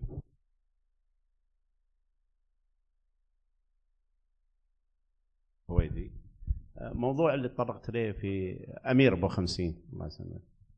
في ورقتك دكتور على موضوع الكسل المجتمعات والبشرية يعني هذا فاريد توضح الجزئية هذه في مسألة الدماغ. طبعا إحنا لما نجي إلى الغريزة البهائمية خلينا نقول. الغريزة البهائمية إيش آه، مهمتها؟ مهمتها البقاء. والتكاثر. يعني كل الحيوانات تتكاثر. وعندها صراع مع البقاء فتحاول أن تبقى. يعني هدفها الأول هو البقاء قبل كل شيء. فالآن يعني خلينا نذهب إلى دولة فقيرة مثلا. الدولة الفقيرة هذه أو الناس الشعب الفقير يريد أن يأكل لا يريد أن يتفلسف. ما عنده وقت للفلسفة. هو مو فاضي قاعد يتفلسف. هذا الناس الناس تفلسفت على زمن أفلاطون وفتحوا مدارس أفلاطون. هذا الناس أرستقراطيين أصلا وعندهم عارف كيف؟ حتى أرسطو منع دخول أي إنسان خارج حلقته إلى المدر بل منع أصلا تسريب ما يقال في الشغلات. ناس يعني ناس فالقضية القضية تأتي إلى من يتفلسف أصلا؟ أنت وقت الجوع لا تفكر إلا في جوعك لا تفكر. فكينونة الدماغ أساسا تركيبة الدماغ هي أساسا في الأول والأخير البقاء. وبعد البقاء يأتي التكاثر. وبعد التكاثر يأتي الأشياء بالتدرج إلى أن نصل إلى الفلسفة. أساسا الإنسان لم لم يقم بالتفكير إلا بعد تدجين النار. النار عندما الإنسان دجل النار صار عنده وقت فراغ. الوقت الفراغ هذا أخذ يعني مثلا يطالع النجوم وشاف إن في أثر للنجوم على هجرة الحيوانات أو على النباتات. فظن البعض ابتدأ التنجيم بحيث انه قالوا طالما إن هذه الأشياء تؤثر على الحيوانات والنباتات فحتما إنها تؤثر على الإنسان. ومن هنا أتت عملية التنجيم وللأسف لا يزال كثير من الناس يصدقون هذه الأشياء. ولكن عموما هكذا هو. ف الله لا يقولها لك. أنت الآن وقت الصراع. يمكن الانسان لما لما طبعا الإنسان عبارة عن هرمونات وإفرازات معينة. فالإنسان عندما مثلا يرتفع عنده آه، مستوى الإدرينالين هرمون الإدرينالين الإنسان تفكيره يختلف تماما. واصلا يقال إن يصير حق العقل العقل أو الوعي شت داون ليش؟ لأن العقل لا يستطيع التعامل مع هذه الأشياء بالسرعة. أنا على سبيل المثال لو رميت عليك كورة أو حجرة لا شعوريا أنت تبتعد. لو جعلنا هذا الشيء لتفكيرك أصلا ما يمدي. عارف كيف؟ فدائما الآن الآن يقال طبعا آه، ذكر أحمد الاف ام ار اي الاف ام ار اي اللي هو functional magnetic resonance imaging هذا الشيء الآن طبعا الآن الناس تعترض عليه. للتو أنا في وأنا رايح صار لي 40 ساعة في السيارة وأنا أروح وجه الرياض كل يوم أسمع كتاب. وأنا رايح وأنا جاي أقعد أسمع. فالناس تشكل الآن على ال fMRI وتدلل بضحده كما قال كارل بوبر بحيث إن هذين اللي عندهم إشكال جابوا أصلا آه، حيوان ميت. حيوان ميت. وحاولوا إنهم يشغلون ال fMRI هذا فشافوا إنه في في حركة في الدماغ. حركة كيميائية. طبعا حتى لما يموت الإنسان في تفاعل كيميائي يبقى. فيقول إن هذا الشيء ليس دقيقا. عارف كيف؟ والآن يبحثون عن شيء أكثر دقة لأنه في حجم الجزيئات لأن ما يستطيع أن يقوم به ال fMRI ليس دقيقا بما يكفي. ولكن عموما هو والله أنا ضيعت السؤال أنت قلت عن الكسل. الكسل هو فقط للبقاء ولذلك قليل من الناس. شوف الإنسان دائما الإنسان بصفة عامة وكما تفضل أستاذنا في الشر وفي الخير الإنسان ليس قضية شر وخير هي احتياجات بدائية الإنسان يحاول يحققها. الإنسان عندما يرتقي بعقله يصل إلى مرحلة يرى أنه يجب عليه أن ينتج فكريا أو ينتج عمليا. فكثير من الناس تتكاسل يعني. أنت الآن إحنا عندنا ثقافة وعندنا كم من الحاضرين عندنا من الحضور؟ زين؟ روح جيب باسم الكربلائي. زين؟ وحطه. إذا قدرت إذا قدرت تحصل لك بقعة أنت محظوظ عدل مو عدل؟ هو تقول كلام فكري يعني؟ إيه هذا لأنه لأنه أساسا يعني أيوه. هو هو, هو الناس كسول الناس تبغى ترتاح الناس ما تبغى تفكر. الكسل إيه الكسل؟ يعتمد على يعتمد على الظروف طبعا. لو, لو, لو تكاسلتم ولم تأتوا لما ناقشنا أصلا. عارف كيف؟ فعموما. مصطفى. في مديح الكسل برتان رسل يقول أنه يجب على الإنسان أن يعطي نفسه برهة من الراحة يعني على عكس الماركسية التي يعني تطالب بالمزيد والمزيد من العمل. أستاذ أحمد أنا عندي سؤالان لكن أه، يعني أشوف أبو مصطفى يأشر لي اقتربت ساعة ال... زين سؤال سؤال واحد فقط. أيهما أقرب إلى روح المجال الفلسفي؟ الداروينية نعرف إن إحنا عندنا الكلاس الداروينية الكلاسيكية والنيو داروينزم أيهما أقرب في الاتساق مع المجال الفلسفي؟ آه طبعا الداروينية آه كنظرية علمية علم تراكمي. فمع تقادم الزمن أو مع يعني آه كل ما زادت المعرفة العلمية كل ما أصبحت مفيدة أكثر كنظرية علمية وضيق مجال التكهن فيها أو الفلسفة لذلك آه يعني الإجابة على سؤالك يعني آه في شيء والله؟ أوكي فكرت في سؤال. لذلك في البداية لأنه كان في أسئلة كثيرة مفتوحة فكانت من جانب هذا التساؤلات يعني كانت مفيدة فلسفيا. لكن الآن مفيدة لتضييق مثل ما ذكر الاستاذ وليد دائرة الشك. يعني يعني الآن مفيدة أكثر لأن خلاص أجابت على أسئلة كثيرة في حقيقة الإنسان. أنا كنت محتار في بداية عنوان الورقة. هل هي تأملات فلسفية في الداروينية الأولى؟ أو تأملات داروينية في الفلسفة الأولى. ليش كان هالحيرة؟ لأنه الجزء الثاني من الورقة اللي أنا ما طرحته أصلا هو يناقش هذه الفكرة إن آه، الفلاسفة طبعا في كذا عرف تقليد عندهم الكل يبحث عن الفلسفة الأولى ما من أين نبدأ فديكارت آه، بدأ بالكوجيتو ارجوسوم اللي هو آه، أنا أفكر أو أنا أقوم بالتفكير اذا أنا موجود. فجاء فيتكنشتاين فقال له طيب أنت لما فكرت الآن فكرت كيف؟ شو استخدمت؟ أنا أنا هذه شنو؟ مو, مو لفظة مو, مو لغة. فإذا أنت فكرت باللغة وطلع طرحها بالفرنسي في البداية بعدين كتبها باللاتينية. وهذا يفترض أن هناك أمة فرنسية موجودة تتحدث هذه اللغة. اذا وجود اللغة يسبق وجود التفكير نفسه. آه، أنا ما أذهب إليه هو أن الداروينية تسبق الجميع، أن تطور الإنسان ك كمولكيولز ك ك يعني وجود حي في هذه الحياة يسبق عملية التفكير.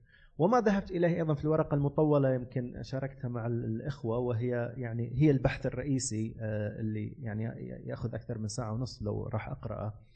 آه، هو أن الإنسان قدرته على التفكير تطورت مع تطور الجهاز العصبي بكل بساطة. فهو في البداية يمكن لم يكن حتى لديه القدرة على تكوين المفاهيم المجردة مثل واحد زائد واحد يساوي اثنين لكن مع التجربة والخطأ وهذا ما ذهب إليه جون ديوي اللي آه، أخذته ك يعني كيس ستدي أو دراسة حالة في الورقة أن الإنسان من خلال حتى الديمقراطية لم تولد هكذا. هي عبارة عن تجارب مرت بها المجتمعات البشرية ومن خلال التطور حذف ما ما يصلح حذف غير الصالح وبقاء الصالح. وصلنا إلى النموذج الحالي الموجود لدينا الذي هو يمكن يعني أيضا بعيوبه يعتبر أفضل نموذج لكن فيه عيوب وجالسة تصحح نفسها بنفسها. آه، أرى في وجهك كلاما كثيرا أستاذ. يعني هو ما في كلام غطى الأخوة الكثير. ولكن ملاحظات بسيطة على بعض الأسئلة. موضوع الأخ أمير موضوع الكسل. آه، في الحقيقة هو الإنسان آه، توني أقرأ عن موضوع مرضى فرط الحركة وتشتت الانتباه. أنهم لا يكونون عادات. تخيل أن هذا المريض هذا الطفل المريض بهذا فرط الحركة في ال 15 دقيقة الأولى من الصباح تمر عليه أفكار مقاربة للي تمر عليك طول اليوم. لا تتوقف. كذهن كنشاط ذهني كبير جدا ولكنه يفشل في حياته لأنه لا يستطيع أن يكون عادات التي تخفض من نشاط الدماغ. فالكسل ميزة تطورية وليس ميزة سلبية. ميزة تطورية تعطي أفضلية يعني أن الإنسان يوفر الطاقة. بدليل أن لو يستمر الإنسان في التفكير الحاد والجاد أسبوعين قد يوصل لتهديد حياته. أي نعم يعني إلا في قدرات خاصة عند بعض العلماء أنه يقدر يفكر لذلك إحنا يعني الأشياء المثيرة للجدل والأشياء اللي كذا نحاول نلطفها شوي حتى لا تكون آه، يعني بهذه الصورة. هذا الشيء، الشيء الثاني سأل الاخ آه، سؤال هل لماذا لم يتطور الأخ عبد العزيز؟ لم نتطور للأفضل. في الحقيقة كلمة نتطور معناها نكون للأفضل، هو لا الإنسان الآن يعيش نكسة تطورية، يعني هي, هي هو يتطور بسبب إنه الطب وتقدم الطب وكثرة توفر الغذاء وكذا تراكمت ما تعرف بالأخطاء الجينية. الآن قاعدة تكثر أخطاء جينية عند الإنسان أكثر من السابق. والدليل أنت الآن تظهر أمراض لم يسمع بها الطب أصلا ولم يصل لها الحلول وهذه الأمراض تتسع الدائرة حقتها. فهل التطور لما قلنا تطور هل هو نتطور بلغتنا العربية؟ أو أن لا نتطور بمعنى إلى أين نسير؟ إلى أين نسير؟ هذا سؤال جدا مهم ولغط بسيط يعني قد قد يسبب خلل في الفهم. أن لما قلنا تطور نكون للأفضل. لا ممكن ما نكون للأفضل. النقطة الأخيرة اللي أبغى أذكرها لأن موضوع يثار في علماء الاجتماع الآن. ونظرية التطور تساعدنا في فهمه وهو انهيار العرقيات والقوميات مقابل بقاء الفروق الجندرية بين الذكر والأنثى. وأنا أشرت الورقتين على موضوع الذكورة والأنوثة بتأثيرها على الثقافة وهذا باب بحث جدا مهم جدا مهم ومؤثر الآن في مجتمعاتنا بشكل أكثر مما نتصور وأتمنى أن في يوم من الأيام أنه منتدى الثلاثاء. يستضيف متخصصين في هذا الموضوع ربما أنه يكون آه، يعني إثراء بحثي جديد ومهم. يعطيكم العافية. شكرا ابو فراس. بس بناخذ الأستاذ مالك فتيل عنده سؤال. شكرا. مالك الفتيل آه، أنا عندي فقط نقاط حول الورقات الثلاث المقدمة. طبعا أنا أشكر الأستاذ أحمد التأكيد ومحاولة توضيحه للفكرة الأساسية. آه، دكتور محمد اشكره على الماحات النبيهة آه، وتوسع المفيد حقيقة وبالأخص في موضوع طبقات الدماغ. الأستاذ وليد الدقة في التعاطي مع الورقة كان رائع جدا دقة رائعة ومحاولة تفكيك فكرتها الأساسية. مع هذا أنا عندي بعض النقود البسيطة على الورقة الأساسية. دكتور عفوا أستاذ أحمد. أنا أتصور أن الفكرة تحتاج إلى تبسيط أكثر. أوكي؟ بمعنى أن في بعض الفقرات الورقة انشغلت أو انحشر الآخر فيها وكأنك تحاول أن تفهم الآخر أو تدافع عن فكرة أنت تظن الآخر سوف آه، آه، يعرضها عليك أو يعترض عليها. هذا عمل نوع من الارتباك في إيضاح الفكرة. أنا أتصور أن فكرتك جدا ذكية وجدا نبيهة ولو ما انحشر الآخر فيها ممكن تكون أوضح بكثير. هذا أنا حسب ما أعتقد. أه وأتصور أن خلوها من التطبيقات. يعني إحنا نعرف أن تبييء فكرة أه فكرة ما في في مكان آخر نحتاج فيه إلى نوع من التطبيقات نوع من الأمثلة لإيضاحها.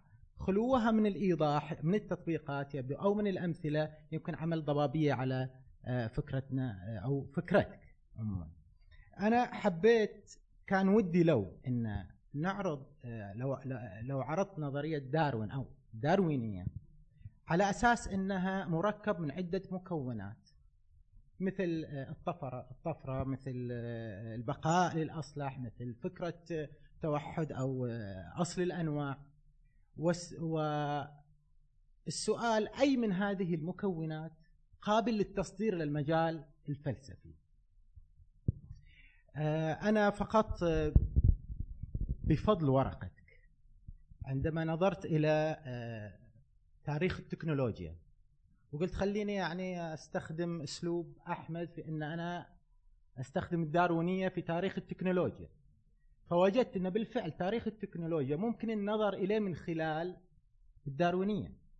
ف دكتور اسمح لي على التدخل والتطفل لو نلاحظ إن كل الأجهزة الآن الموجودة عندنا الالكترونيك هي هي أساسا كانت محركات ميكانيكية طورت من ميكانيكية إلى كهربائية ومن كهربائية إلى إلكترونية والآن بعدين دخلت في ال PC وال software وال hardware وانفصل. فاحنا عندنا أصل للأنواع. عندنا موضوع الطفرة وهو مكون أساسي من المكونات الداروينية. الطفرة هي تعتبر الأفكار عندنا في مجال ال technology الترانزستور يعتبر طفرة ال IC يعتبر طفرة. آه، هم تحول تحول إلى ال binary. دكتور ساعدنا عليها. تحول باين تحول الحساب من حساب عشري إلى حساب باينري. قبل الحرب العالمية الثانية هذا صار شيء. زين هذه تعتبر طفرة. فكرة البقاء الأصلح هذه الأفكار ما استمرت لأنها أصلح للعمل. هكذا أنا أفكر في الدارونية. إذا كنت أفكر بطريقة أخرى فاسعفني أستاذ أحمد وبالفعل أدين لك الفضل إن أنا فهمت. يبدو نعم. فشكرا لك أستاذ أحمد شكرا دكتور شكرا أستاذ وليد.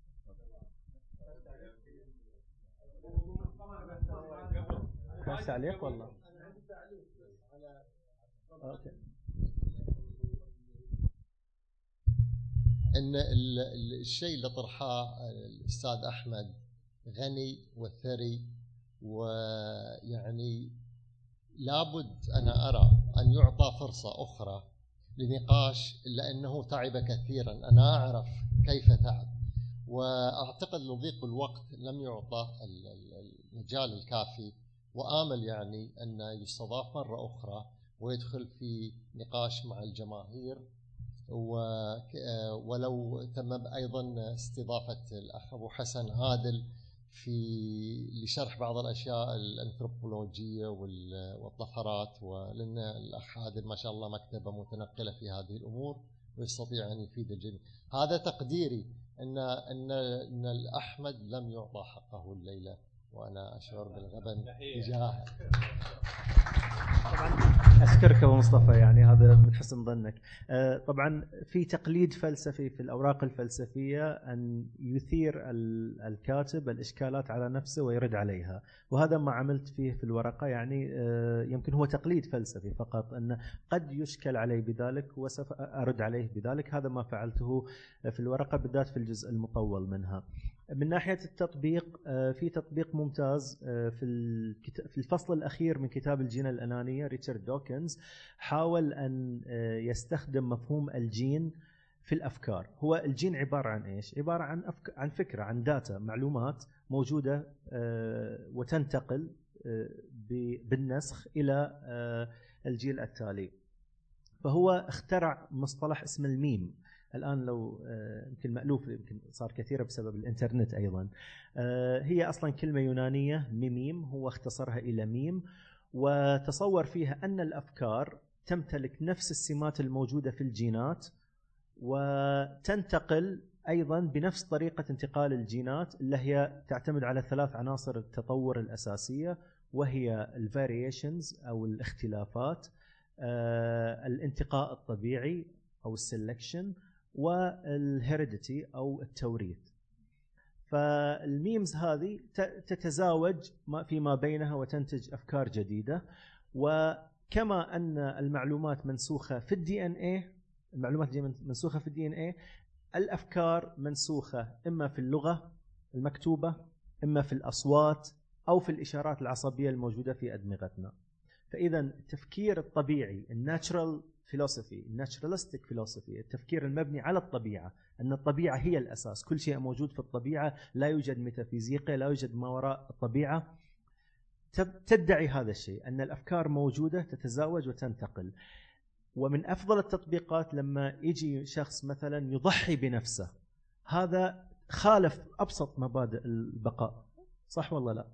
هنا نقول أن حالة الميمات اللي هي الأفكار تفوقت على الجينات. فهو مثلا يضحي من أجل العقيدة ويفجر نفسه من أجل شيء معين لأنه هذا الميم تفوق على الجين. وبالمقابل عندما يأتي مثلا خلينا نقول واعظ ديني يقوم بعلاقة جنسية عابرة هو خالف الميم اللي يؤمن فيه الفكرة على حساب اللذة الجنسية اللي هي نابعها أصلا جيني. فهذه من التطبيقات اللي الواحد ممكن يراها وين؟ غلبة الميم على الجين في المدى القصير ولكن غلبة الجين على الميم في المدى الطويل. الجينات الموجودة لدينا هي الجينات التي استطاعت البقاء من آه، آه، أسلافنا والميمات الموجودة لدينا سريعة التطور سريعة التغير. لذلك من المخيف في دراسة التكنولوجيا مثل ما ذكرت آه، التطور الذي حصل في الإنسان وعلاقته بالتكنولوجيا. ما فهمناه في آخر خمسين سنة تكنولوجيا أكثر من ما فهمه أسلافنا في الستين ألف سنة الماضية. وهذا مخيف. هذا ما جعل آه، آه، يافالنو هراري عالم التاريخ يقول أن الإنسان التالي هو الهيموديوس أو الإنسان الإله لأنه سيسخر التكنولوجيا لكي يصبح إنسانا مختلفا عن الإنسان الذي نعرفه اليوم من خلال استفادته من آليات التطور. آه، بخصوص الطفرات الانتقال من ال electromechanical إلى ترانزستور أو أو state مو هي الطفرة دي. طفرات غير. هذه القفزات إحنا إحنا عندنا عندنا آه، آه، فهم خاطئ إلى مفهوم الطفرات. الطفرة اللي هي mutation حاجة كلش هذه يسموها تغيرات مايكروية. طفرات القفزات النوعية اللي يقفزها الكائن الحي في تحول من شكل إلى شكل مو هذه الطفرات. هذه حاجة ثانية. بس مجرد أبغى أوضح هذه. لأن في ناس واجد واجد دائما عندهم هالكونسبت إن الطفرة معناتها القفزة الكبيرة. ما في. في عندنا آه، آه، آه، تغيرات مايكروية وفي عندنا ماكروية. اي اللي هي خطأ في النسخ. مجرد وغالبا غالبا ما يكون لها أي تأثير. تراكم عدد كبير من ال من ال من الطفرات الميكرويه بامكانه يشكل لك صفة جديدة. بامكانه وبامكانه تكون الصفة هذه الجديدة سيئة أو إيجابية. إذا كانت فيها سلبية إذا كانت فيها سلبية اذا الكائن البيئة بتتصرف بأنها تقضي على الكائن الكائن اللي عنده صفة سيئة. إضافة جميلة. الكلمة الأخيرة للأستاذ وليد الهاشم. لا يسعني إلا أن أشكركم على هذه الفرصة وأنا أتصور أنه في نهاية هذه الكلمة في ختام هذه الجلسة آه، دعوة لمفهوم علاقة إيجابية بين العلم والفلسفة والمجتمع. وأن من أهم الأسباب اللي تؤدي إلى عدم الاستفادة من من العلم وعدم الاستفادة من الفلسفة هي مانع اجتماعي. أنا أجيب مثال بسيط أدرسه في تاريخ العلم. معلش أجيب هذا المثال. في تخصص في تاريخ العلم هو آه، يسموه علم المستعمرات. بحيث أن المركز الإمبراطوريات اللي تحكم ترسل إلى المستعمرات معلومات تقنية عالية. هذه المستعمر أشبه بالبذور. أشبه بالبذور. هذه البذور تنتشر في عدة دول. تجد أن هناك دول تستفيد من هذه البذور بشكل ودول أخرى تموت في هذه البذور. أصلا لا يستفاد منها تنطمس هذه المعلومات. في احتضان اجتماعي في تقبل اجتماعي للعلم متفاوت. لذلك إحنا المشهد العلمي والفلسفي في مجتمعاتنا الذي هو في الحقيقة نقول دائما يصطدم مع الدين، في الحقيقة لا قد لا يصطدم مع الدين، في قد يسهم في تصحيح الدين في التصحيح في الإصلاح الديني، قد يسهم في إعادة التأويل الإيجابي والفهم الأفضل للدين. وبالتالي إحنا نقول إن الاحتضان الاجتماعي هو مؤثر. يعني إحنا كمجتمعات متعاضدين. يعني مثال علم دراسة الجاليات. الجاليات عند لا ننظر لها بنظرة عنصرية ولكن ننظر لها بنظرة تشعبية. نفس الجاليات عندما تهاجر إلى بلدان أخرى تجد أن الدول الأخرى يتفاجؤون بقدرات إيجابية بهذا. إحنا وإحنا عشناها في فترة الابتعاث كيف أعطوا طلابنا وأبنائنا صورة ومنتدى الثلاثاء كرم كثير من اللي أنجزوا إنجازات علمية مهمة. فيجب أن إحنا نسأل أنفسنا سؤال. هل إحنا مجتمع بيئة حاضنه إيجابية واحدة من هذه البيئات أن قبول التغيير واحدة من هذه البيئات الحاضنة هي تحمل التصادم التنافر المعرفي؟ قد يأتينا شيء عكس ما نتوقع. يكون عندنا شوي صبر في هذه الأشياء.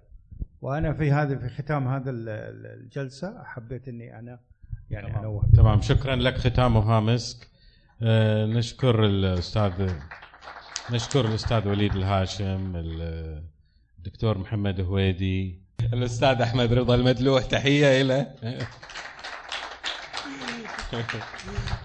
في في الختام. يلا تفضل. أنا أنا طبعا على طاري بس تعليقك. يعني أنا أشعر إن أنا سعيد في هذه اللحظة التاريخية في هذه البلاد الحبيبة. موافقة المقام السامي على إنشاء جمعية الفلسفة نقلة كبيرة والآن في عمل جاد يقام. وإن شاء الله يعني الدكتور عبد الله المطيري أيضا شغال على إنشاء أول كلية فلسفة في في السعودية. هذا عمل كبير يجب أن نكون جميعا فخورين به.